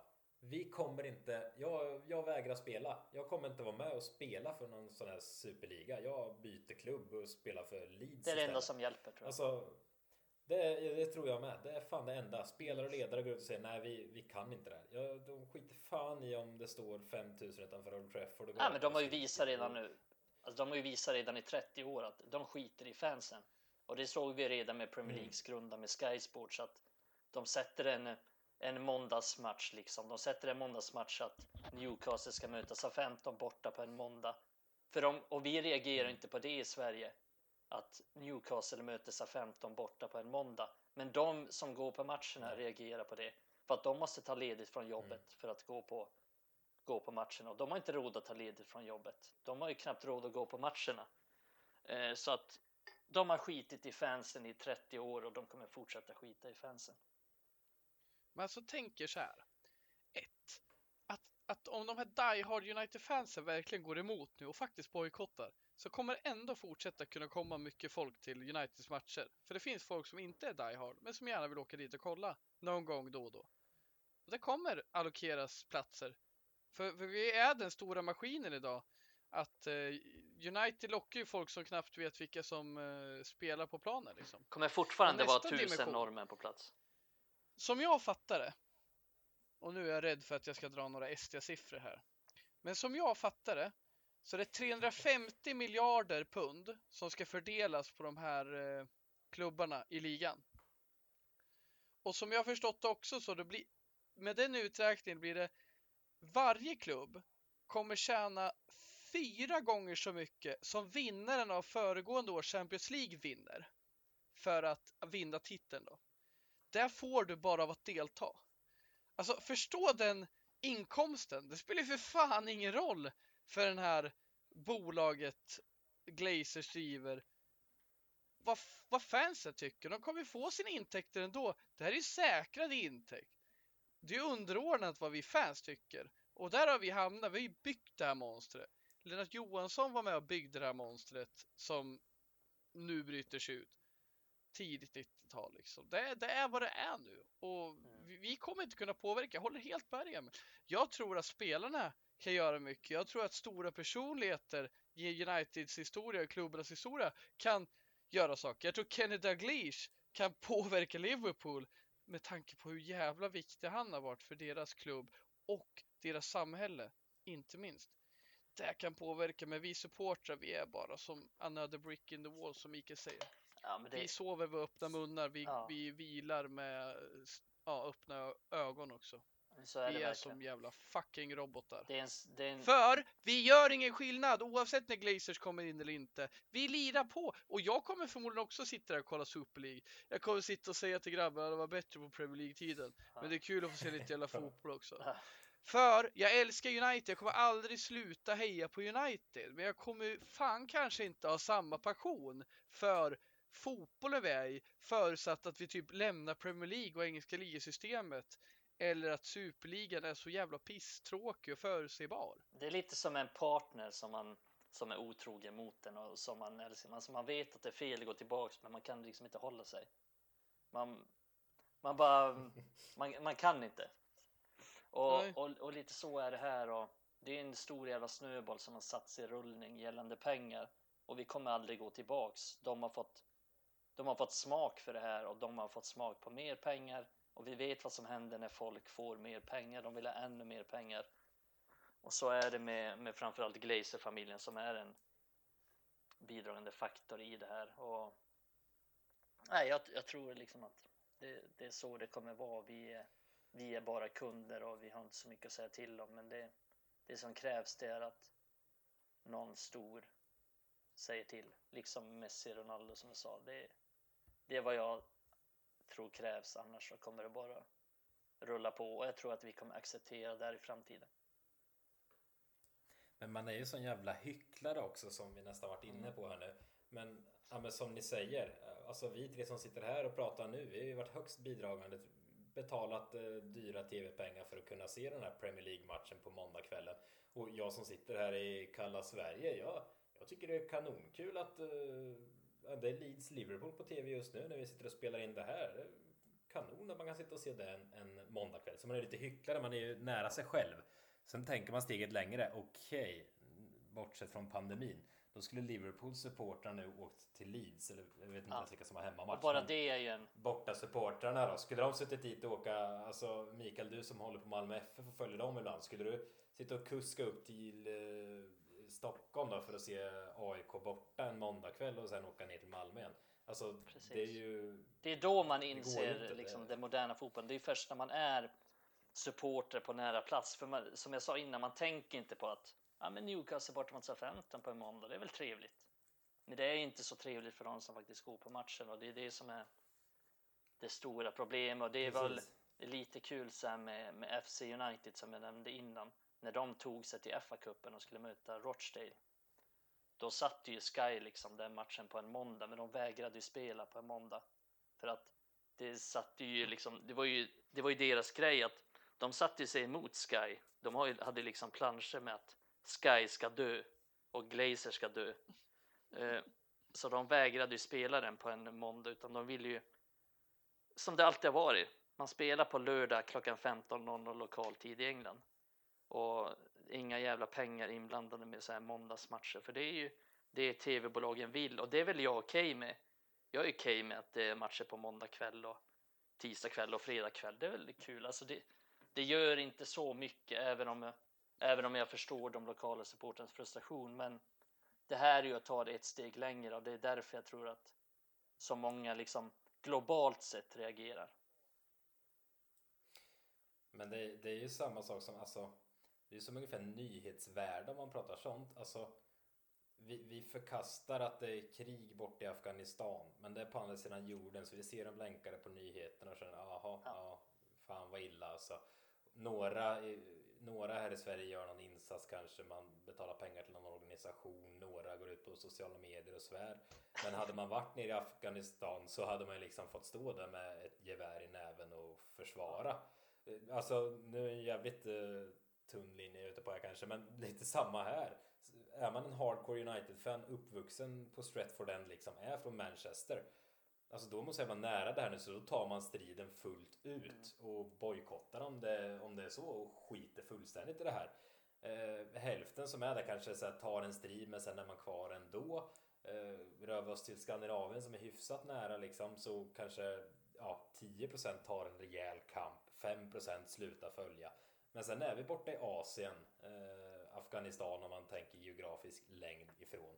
Och där skiter man fullständigt i det för man tycker det är skitkul. Åh, här får vi sitta och se United mot Barca hela tiden. Det är ju det, är ju det jag vill se. Mm. Så det kommer finnas kvar. Jag vet inte ens om jag landar väl i min jämförelse här. Men alltså, man är, ju närmare man är desto större problem blir det. Ja. Och därför tror jag världen är så stor och fotbollen blir så global så det kommer finnas folk som sitter kvar och, och snällt tittar. Ja, och folk som växer upp nu kommer ju gilla det. Och det är det de, de inser. har ju inget att jämföra med. Det är det de inser. Alltså Ed Woodward, ja, nej precis, Woodward Glazer, de är inte, de är äckliga, nej, de är inte dumma i huvudet. De inser att, och det är det de har byggt upp. De har ju byggt upp ett United där vi har fans över hela världen.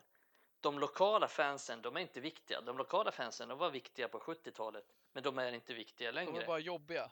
Nu är de bara jobbiga och gnäller. Mm. Men, men nu, de är inte viktiga längre. Det viktiga är att ha liksom folk som vill se deras produkt, som kollar på TV. Det är det, det allra viktigaste. Sen, att, sen är det såklart viktigt att de fyller arenan, men det gör de ändå som jag sa.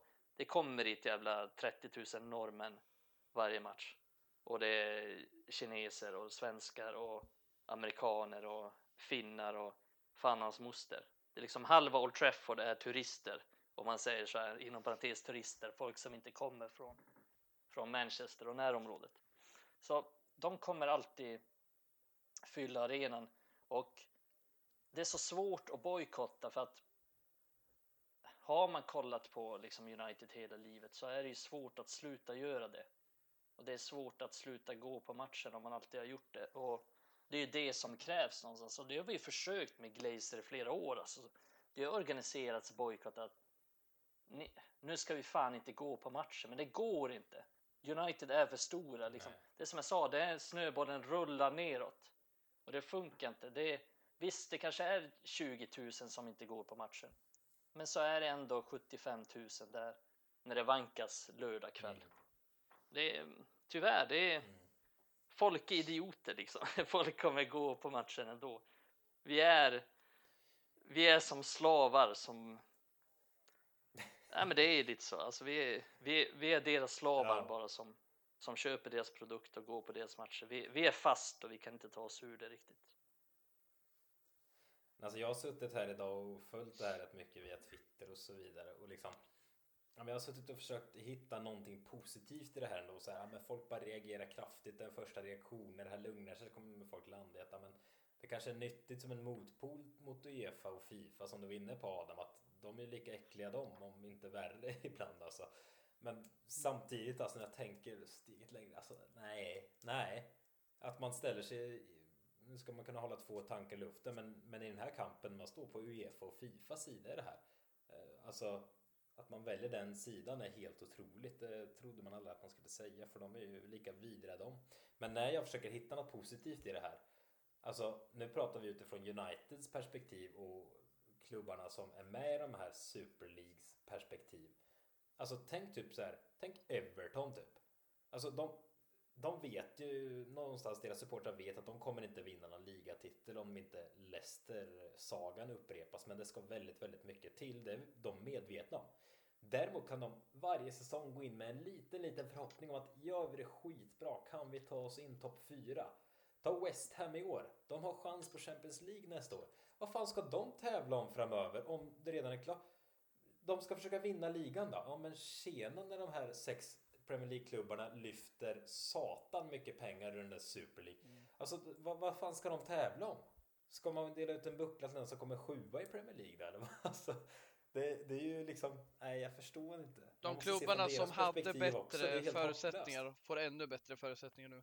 Och jag, jag skulle säga, jag tar väl ingen sida när det kommer till Uefa och Superliga-konsortiumet, men eh, jag förstår vad du är inne på. Just att Uefa blir ju i det här fallet mindre bov, men i det stora hela ja. som förbund Nej, de är, är, de ju korrupta och vidriga och äckliga.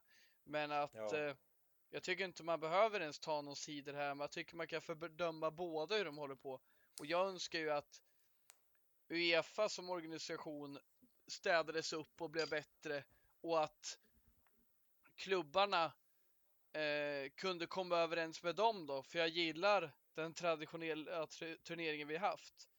Men som det ser ut nu och som det går, det är ju det är ju tydligt eh, ett maktspel liksom för att folk som affärsmän och rika ägare ska tjäna ännu mer pengar. Och jag har inget emot att man tjänar pengar i vanliga livet. Jag främjar folk som vill tjäna pengar. Men jag tycker man ska jag tycker man ska ta ansvar och ta hänsyn till viktiga funktioner i ett företag eller i en klubb och i det här fallet är det supportrar, eh, hedersmedlemmar och sådär. Eh, som jag fattar det har ju varken Sir Alex Ferguson eller Ole Gunnar Solskjaer haft en aning om vad som hänt. Och det är klart de inte haft det, för det hade ju varit märkligt. De hade ju fått eh, motfrågor.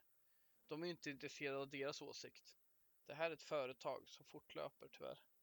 Och ett företag som jag älskar, jag säger det liksom. Jag älskar Manchester United, jag älskar spelarna, jag älskar vår historia. Men jag är livrädd för framtiden. Alltså, framför allt faktiskt. Jag är rädd för klubben liksom. Jag är framför allt rädd för hur det här kan påverka engelsk fotboll. Som är så jävla vacker och som fan, jag andas engelsk fotboll. På den jävla vänster. Det är så jävla fint men det har inte alltid varit optimalt men nu håller det på att gå åt helvete med skiten. Bra sagt! Ja, Ja, mycket bra. Vi kommer nog få lov att återkomma i den här frågan väldigt många gånger framöver. Eh, ja. Så kanske man sitter där som sagt var om några år och tittar på det ändå. Men eh, ja, jag har jättesvårt att se att vi vi tre som lägger ner mycket tid på Red Army Sverige exempelvis. Där, där känner jag så här. Jag skulle inte finna något värde i att sitta och lägga ner de här timmarna för att skriva om någon match i Superliga. Så Vi kommer snacka om annat Nej, i podden. Jag vet inte. Mm, ja, det kan bli en, bara, en vanlig podd. bara podd. Sitter och pratar om livet. Snackar om allt och ingenting. Ja, vad mysigt det skulle vara. Ja, herregud. Vi ska faktiskt prata lite fotboll här eh, nu också. Det spelas ju faktiskt fotboll eh, på Old Trafford.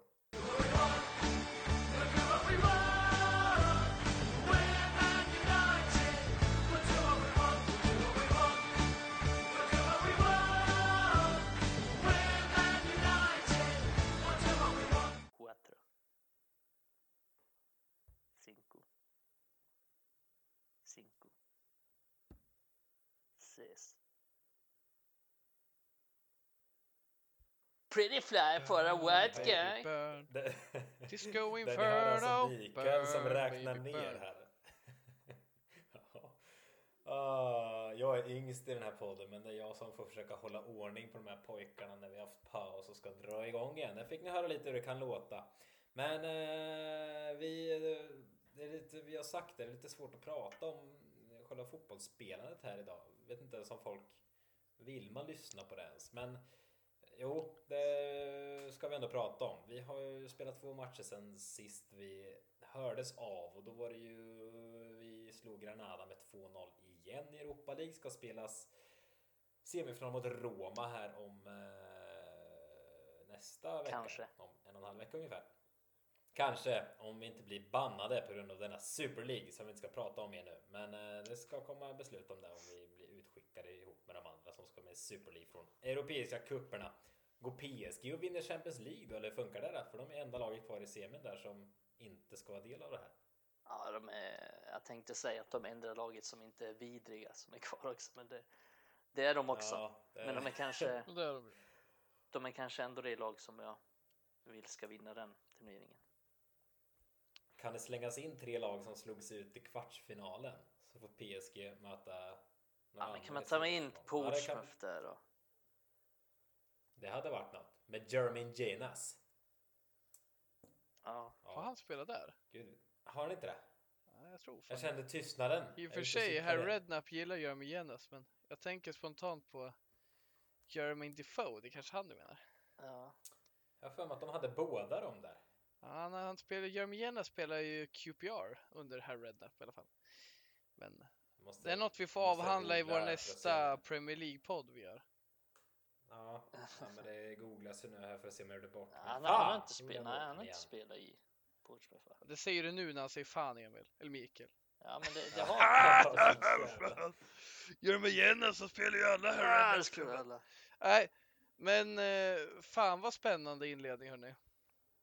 Ja, kul. Men eh, vi mötte ju Burnley igår i alla Där har fall. han inte Mm. spelat. Eh, tre.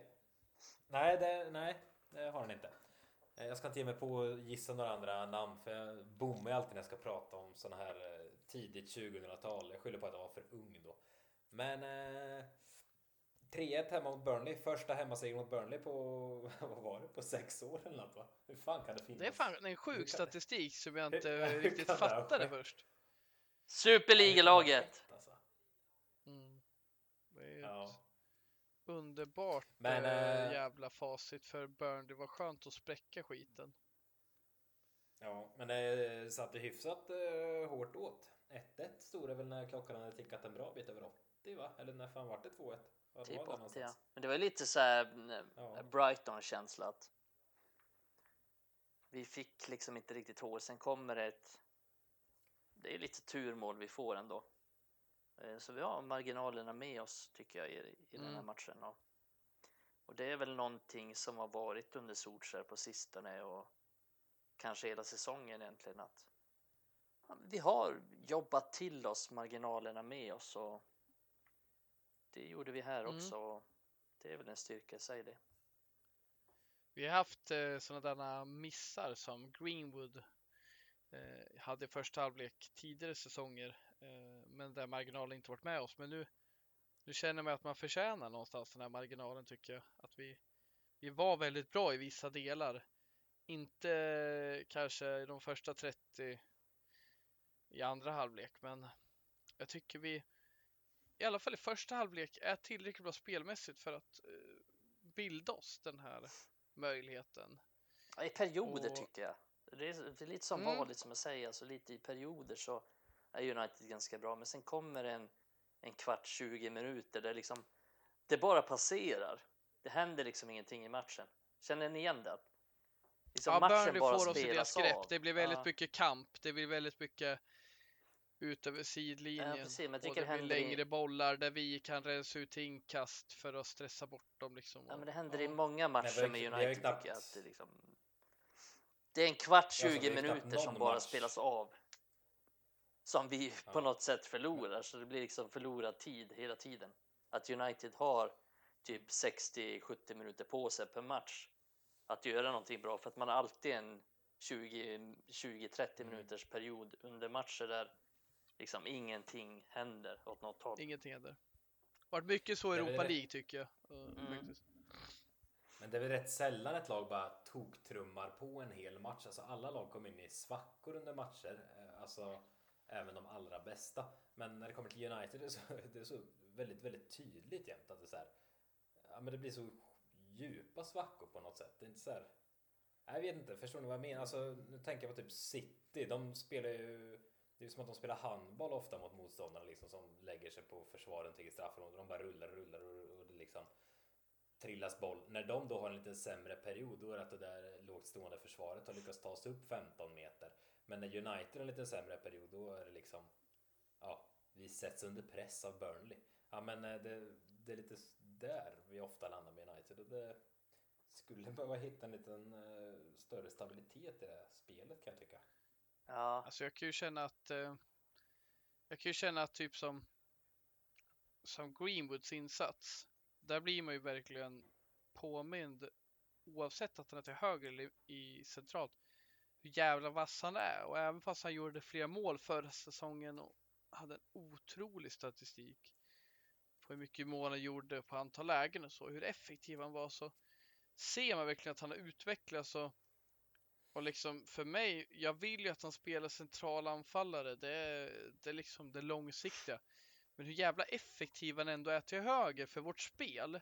Och liksom en, en riktigt vass teknisk offensiv ytterback.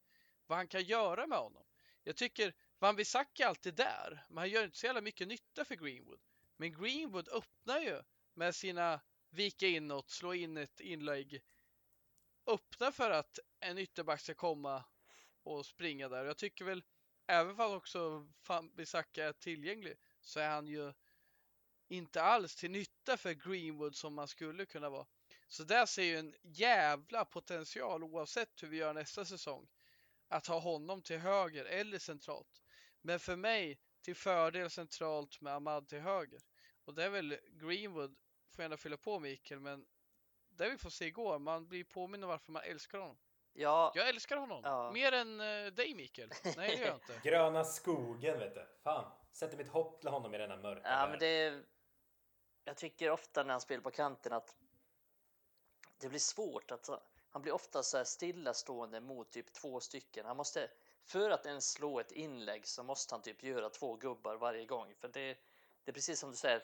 Fambisaka, han är, han är där, men han gör inte så mycket nytta alltid. Han öppnar inte upp så mycket som jag tycker att typ Luke Shaw kan göra. För Luke Shaw och Rashford har ett bra samarbete och det såg vi även i den här matchen tycker jag. Att, att Rashford slog många bra bollar i djupled till Luke Shaw och där tycker jag Rashford var bra. Även om Rashford inte var så bra i övrigt så, så gjorde han det bra. Och det samarbetet funkade bra. Jag tycker Luke Shaw var briljant igen faktiskt. Lite i skymundan.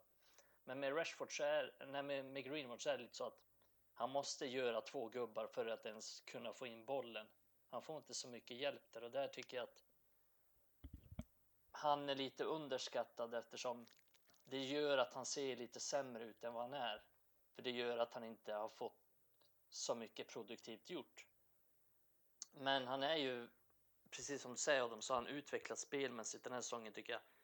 Och, och det är sådana här små detaljer som jag tycker han är bra i. Alltså, typ så här, passningsspel, mottagningar, touch. Sådana saker som jag tycker att han, är, att han har utvecklats i och som jag vet att han är väldigt bra i och kommer vara väldigt bra i. Sen har han saker att utvecklas som rörelsemönster i straffområdet, vilket vi kan se på, på Cavani, att Cavani har. Och där finns det mycket att förbättra hos Rashford, eller hos, fan vad säger Rashford? Hos Greenwood. Och, och där kommer han bli bättre också, men nej, jag tycker det ser, ser väldigt bra ut och det är egentligen han som avgör den här matchen. Och, och kollar vi de senaste matcherna så har han varit tungan på vågen. Inte bara en gång utan två, tre, fyra gånger nu. Och väldigt positivt att han börjar komma igång igen. Och kollar vi på förra säsongen så var det ju under den här tiden han var som bäst egentligen. Det var ju den här tiden han kom Mm. igång så det kanske är ett stående exempel att han, att han kommer igång nu mot våren. Ja, det, finns, det är få spelare i truppen man eh, blir lika glad för det går bra för ju som Greenwood. Ah, säga. fan vad fint det är. Han är Eh, snart 100 matcher för United och, och snart... Och är fortfarande 12. Ja, precis. Han är inte ens 20 än han, har, han kommer nå 100 matcher för United innan han är 20 och han har gjort lika många mål som tonåring för United som Wayne Rooney har och Wayne Rooney har gjort flest mål i Uniteds historia. Vad har Rooney gjort? 253 mål tror jag. Eh, Greenwood har, om jag minns rätt, 27. Vi får se, kanske han kan eh, nå upp dit och, och, och slå det en dag, för han är ju fortfarande bara 19 år och kommer han igång målmässigt. Vi, vi hade det som rubrik tror jag en tidigare podd, så här, Greenwood mot målrekordet. Och nu ska vi kanske inte snacka för mycket om det, men han har en potential att nå målrekordet i United och, och fortsätter han liksom utvecklas så, så har han alla möjligheter till det.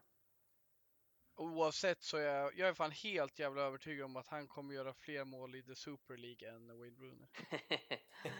Han har fler. Det kommer bli så här ny statistik. Det är helt så här när man kollar gammal statistik så är det så här fy Uefa. Cup, ni vet så här Europacupen. Det är li- liksom så här olika olika ställningar. Royal League. Royal League.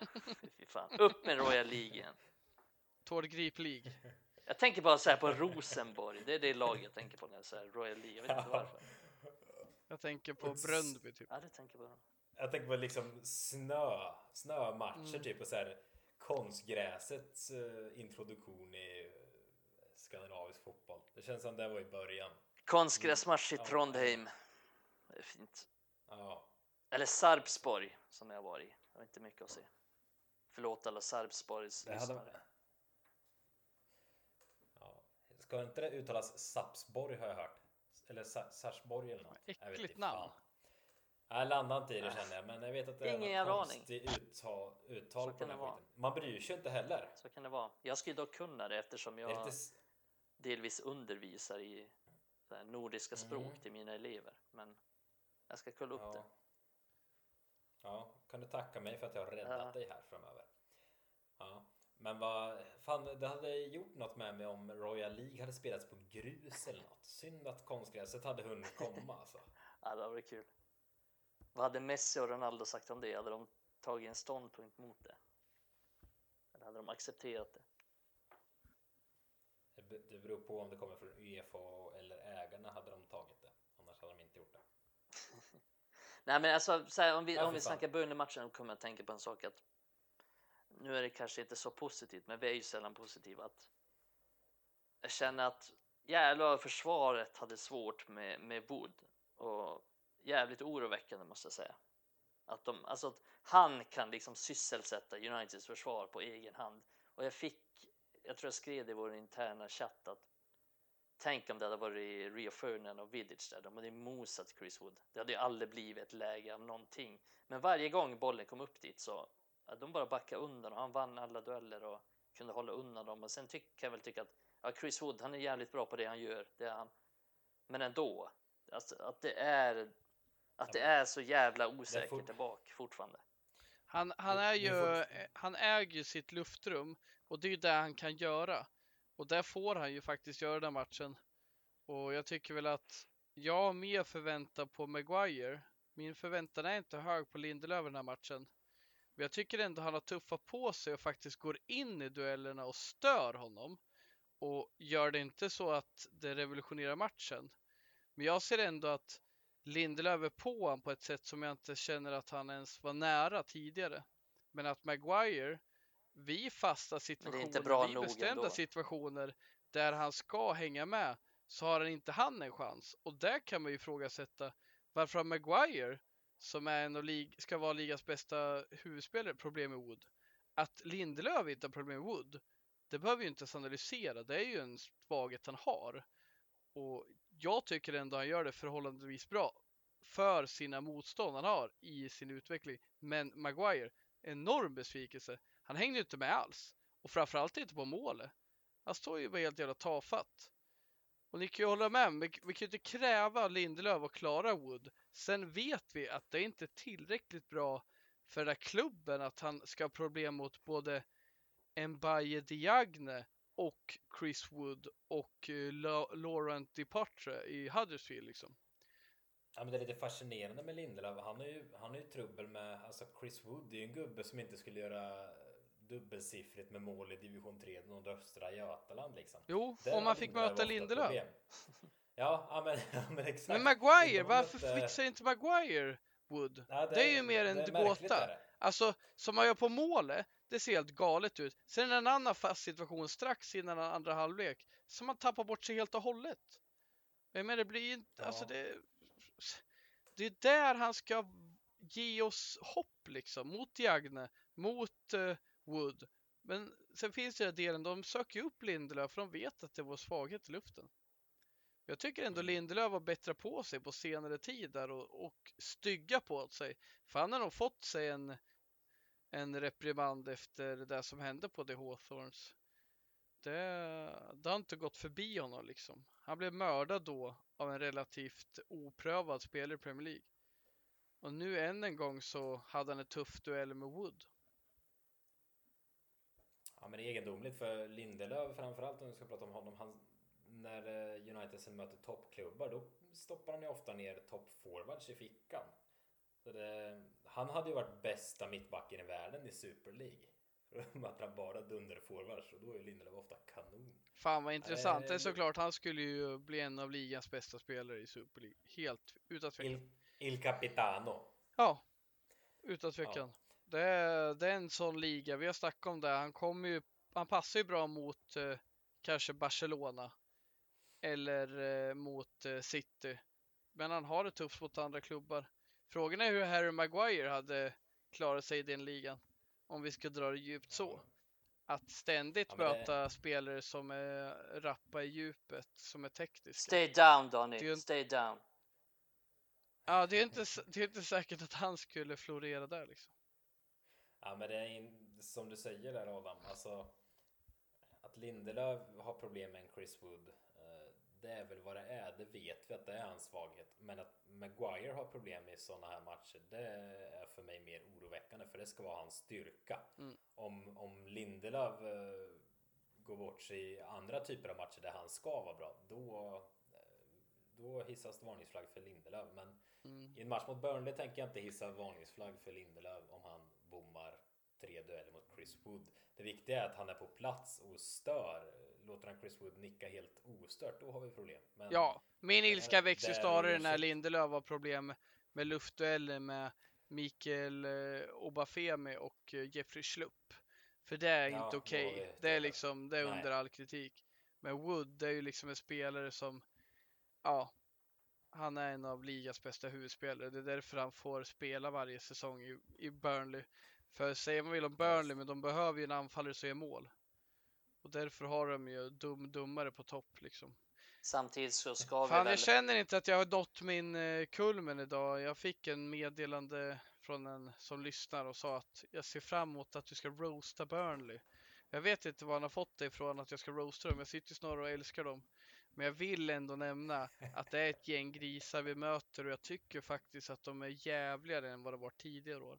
Jag har avskytt Burnley för att de gjort det svårt för oss. Men nu gjorde de några riktigt grisiga grejer som jag fan, ja, fan mycket på senare tid. Men de är, ju- Granada försökte döda oss och nu, vad fan gjorde han den här 9 to 5 farmer longball defender? Med James Tarkovsky. What the fuck, han höll på, ja helt dum i huvudet öronen är åt inte alla håll. fint också? Ja, det är ju Men är det inte meriterande för övrigt fint i att- Burnley att ha lång, stora öron. Men är det inte lite semifint någonstans att lag har börjat... eh, Semifint. Ja men eh, lag har liksom... Semibånge. Det, kräv, det, ja, det krävs efterslängar och lite fult spel för att rå på United. Nej, men de har ju alltid... Alltså, Det kan jag uppskatta Burnley har någonstans. hållit på med det länge. Det är, alltså den största filmen Såklart. i Premier League är ju under radarn, Ashley Barnes. Jävlar vad han faller lätt. Nu var han inte med den här matchen, men, men rent generellt och kolla på Chris Wood hur lätt han faller när Juan Bizuka lägger handen i ryggen på honom. Alltså, jag undrar hur många av våra lyssnare som har sett det här Man United, vad heter den? Alternative Commentator, eller vad heter det? Ja, om det är några som förstår eh, vad vi eh, anspelar på Juan Bizuka. Ja, Ja, men så är det ju Mikael, de har ju alltid varit grisiga Burnley, men jag tyckte fan det var fan snäppet värre än vanligt, de här dobbarna och grejer. Mm. som försökte mörda oss. Tidigare år har man ju liksom varit irriterad på att de grisig fotboll, men nu Tarkovsky, jag har aldrig varit med om att han varit så jävla vidrig. Han var ju värre än Ja, Ben men det är det här vi vill ha! Du vill ha kvar engelska fotbollen Adam för fan. Det här kommer du inte få i Super League. Det är sant. Han vill ha fina fan matcher hellre mot det Real här. Madrid. Jag fan hellre det här än... Ja, Exakt, exakt. Så vi ska hålla tillbaka med sågningen mot Burnley här. Men eh, om vi ska blicka lite framåt då. Vi har ju eh, Leeds här i helgen. Det är ju ingen veckomatch. Det hade det varit om det var Super League. Men nu är det inte det. Eh, Ja, men det är ju vår första vilovecka eh, på hela säsongen. Nu mellan Burnley Ja. och Leeds. Eh, Det är faktiskt så sjukt efter 51 matcher har vi aldrig haft, eh, ja, sen, sen ligan drog igång i september har inte vi. Är det så på riktigt? Ja, Det är första, Oh, eh, vad säger man? Nu säger man spelfria vardagsveckan så att säga. Oh. Annars har vi haft kuppspel. Det- Ja, på Premier det är League. saftigt. Då, då köper man nästan att det klagas lite ibland på tufft spelschema från vissa håll. Alltså att det är brutalt. Men eh, Mm. alltså med segern igår mot Burnley. Nu är det ju, nu, vi har pratat om några avsnitt här. Men nu är det ju superklart att vi kommer topp fyra. Vad den innebär framöver. I praktiken. Men, eh, ja, ja, men det, nu det, det är fan klart. Men eh, vad tror ni om avslutande sex omgångarna här är det väl? Eh, alltså, tror ni Ole fortfarande kommer? Jag ska säga vad jag tror. Jag tror att Ole fortfarande kommer gasa med bästa laget tills det är helt kört och kommer ifatt City. Därefter kanske han börjar lufta och skicka in Ahmad och lite sådana lirare. Vad tror ni? Det tror jag också. Ja, jag tycker faktiskt eh, det är en bra spaning och jag tycker väl allt annat är tjänstefel. Det är klart vi ska kämpa så länge det är möjligt och jag ser inte det som en omöjlighet. Jag skulle inte satsa en krona på att United vinner Premier League, men det har skett mycket större under än det, eh, framförallt i dessa tider. Eh, så nej, men jag eh, tycker du har en bra spaning där Emil. Men liksom ta City två raka segrar härifrån nu. Då är liksom, ja, då är det nästan kört också rent tekniskt. Men eh, då är det klart, då, då vill jag inte se att eh, Bruno tuggar 90 minuter match. Men han vill ju match. spela. Rashford haltar omkring. Maguire vill spela. Rashford vill spela. Ingen annan än Wan-Bissaka kan spela på högerback. tydligen inte. Det är det sjukaste. Wan-Bissaka, får inte ens en fråga. Nej. Han bara sitter där.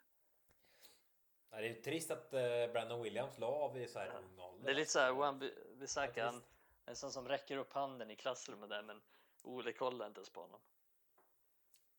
Nej men det är lite så. Ja, men du får spela oavsett, du har inget att säga till om. Ja, Medan Bruno ja sitter längst Williams, det fram. är synd att han redan har slutat spela. Bruno sitter längst fram och räcker upp handen hela tiden. Mm. Ja.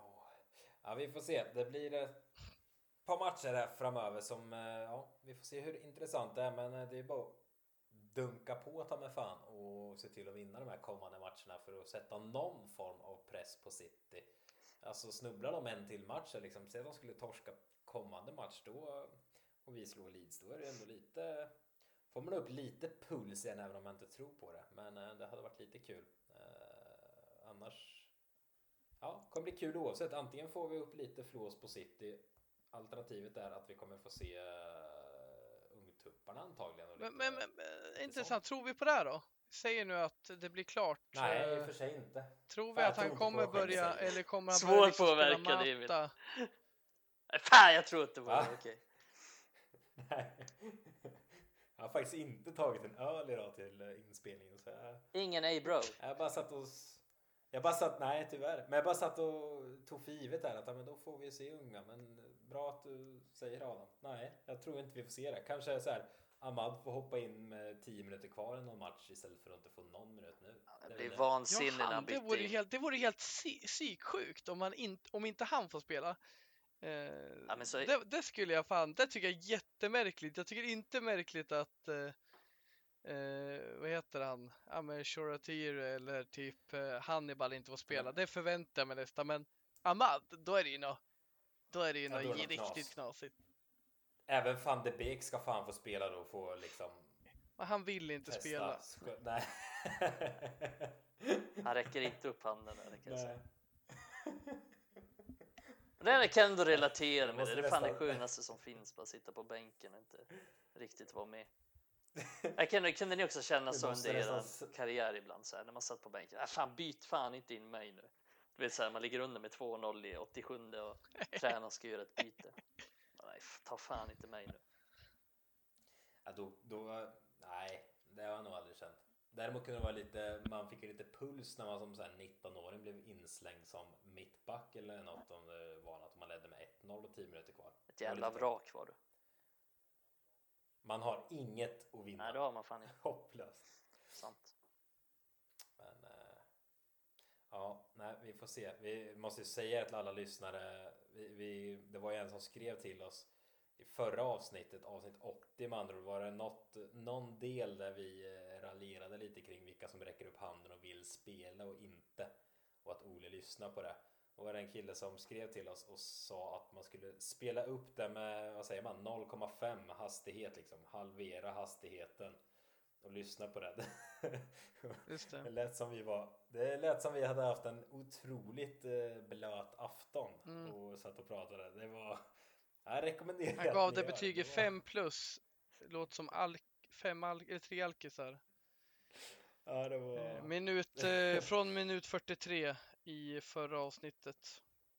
Ja, bra att du hittade. Jag satt och letade här men jag hittade inte. Bra Adam, ordning med dig. Nu eh, tar vi kväll på det här, va? Det blir ett världsrekordlångt avsnitt det här som vi har slängt ut. Får hoppas att ni Det längre än premiäravsnittet. vi- Visst hade vi typ så här två och en halv timme då Adam? Eh, Ja, det var det. Alltså, Det var två och en halv ja, det, var timme. ju innan, det var innan min tid. Vad fan pratar ni om då? Men det är, Vi pratade om typ fan 70 matcher. Det, är två det mest säsonger lyssnade avsnittet vi har tror jag. Av alla. Och det var två och en halv timme eller vad fan det var. Jag kan inte tänka mig att det var bra men Ja. Vi snackade om Jesse Lingard, Andreas Pereira, fan. Diogo Dalot. lägg ner nu. Ja, Det är ju sånt som, det är sånt som drar lyssnare tänker jag, så det är fan rimligt. Ja precis. Men eh, nej, jag får hoppas att ni lyssnare kan hjälpa oss att, eh, att slå det som mest lyssnade avsnittet här då, framöver och eh, tillsammans ta det här framåt som eh, de säger i Super League. Nu har jag dragit min sista parallell till Super League för idag så eh, drar vi ett streck över det och eh, hörs igen eh, nästa vecka får vi hoppas. Eh, om inte världsfotbollen gått under tills dess, men eh, det hoppas vi inte. Ha det så jäkla trevligt. Hej!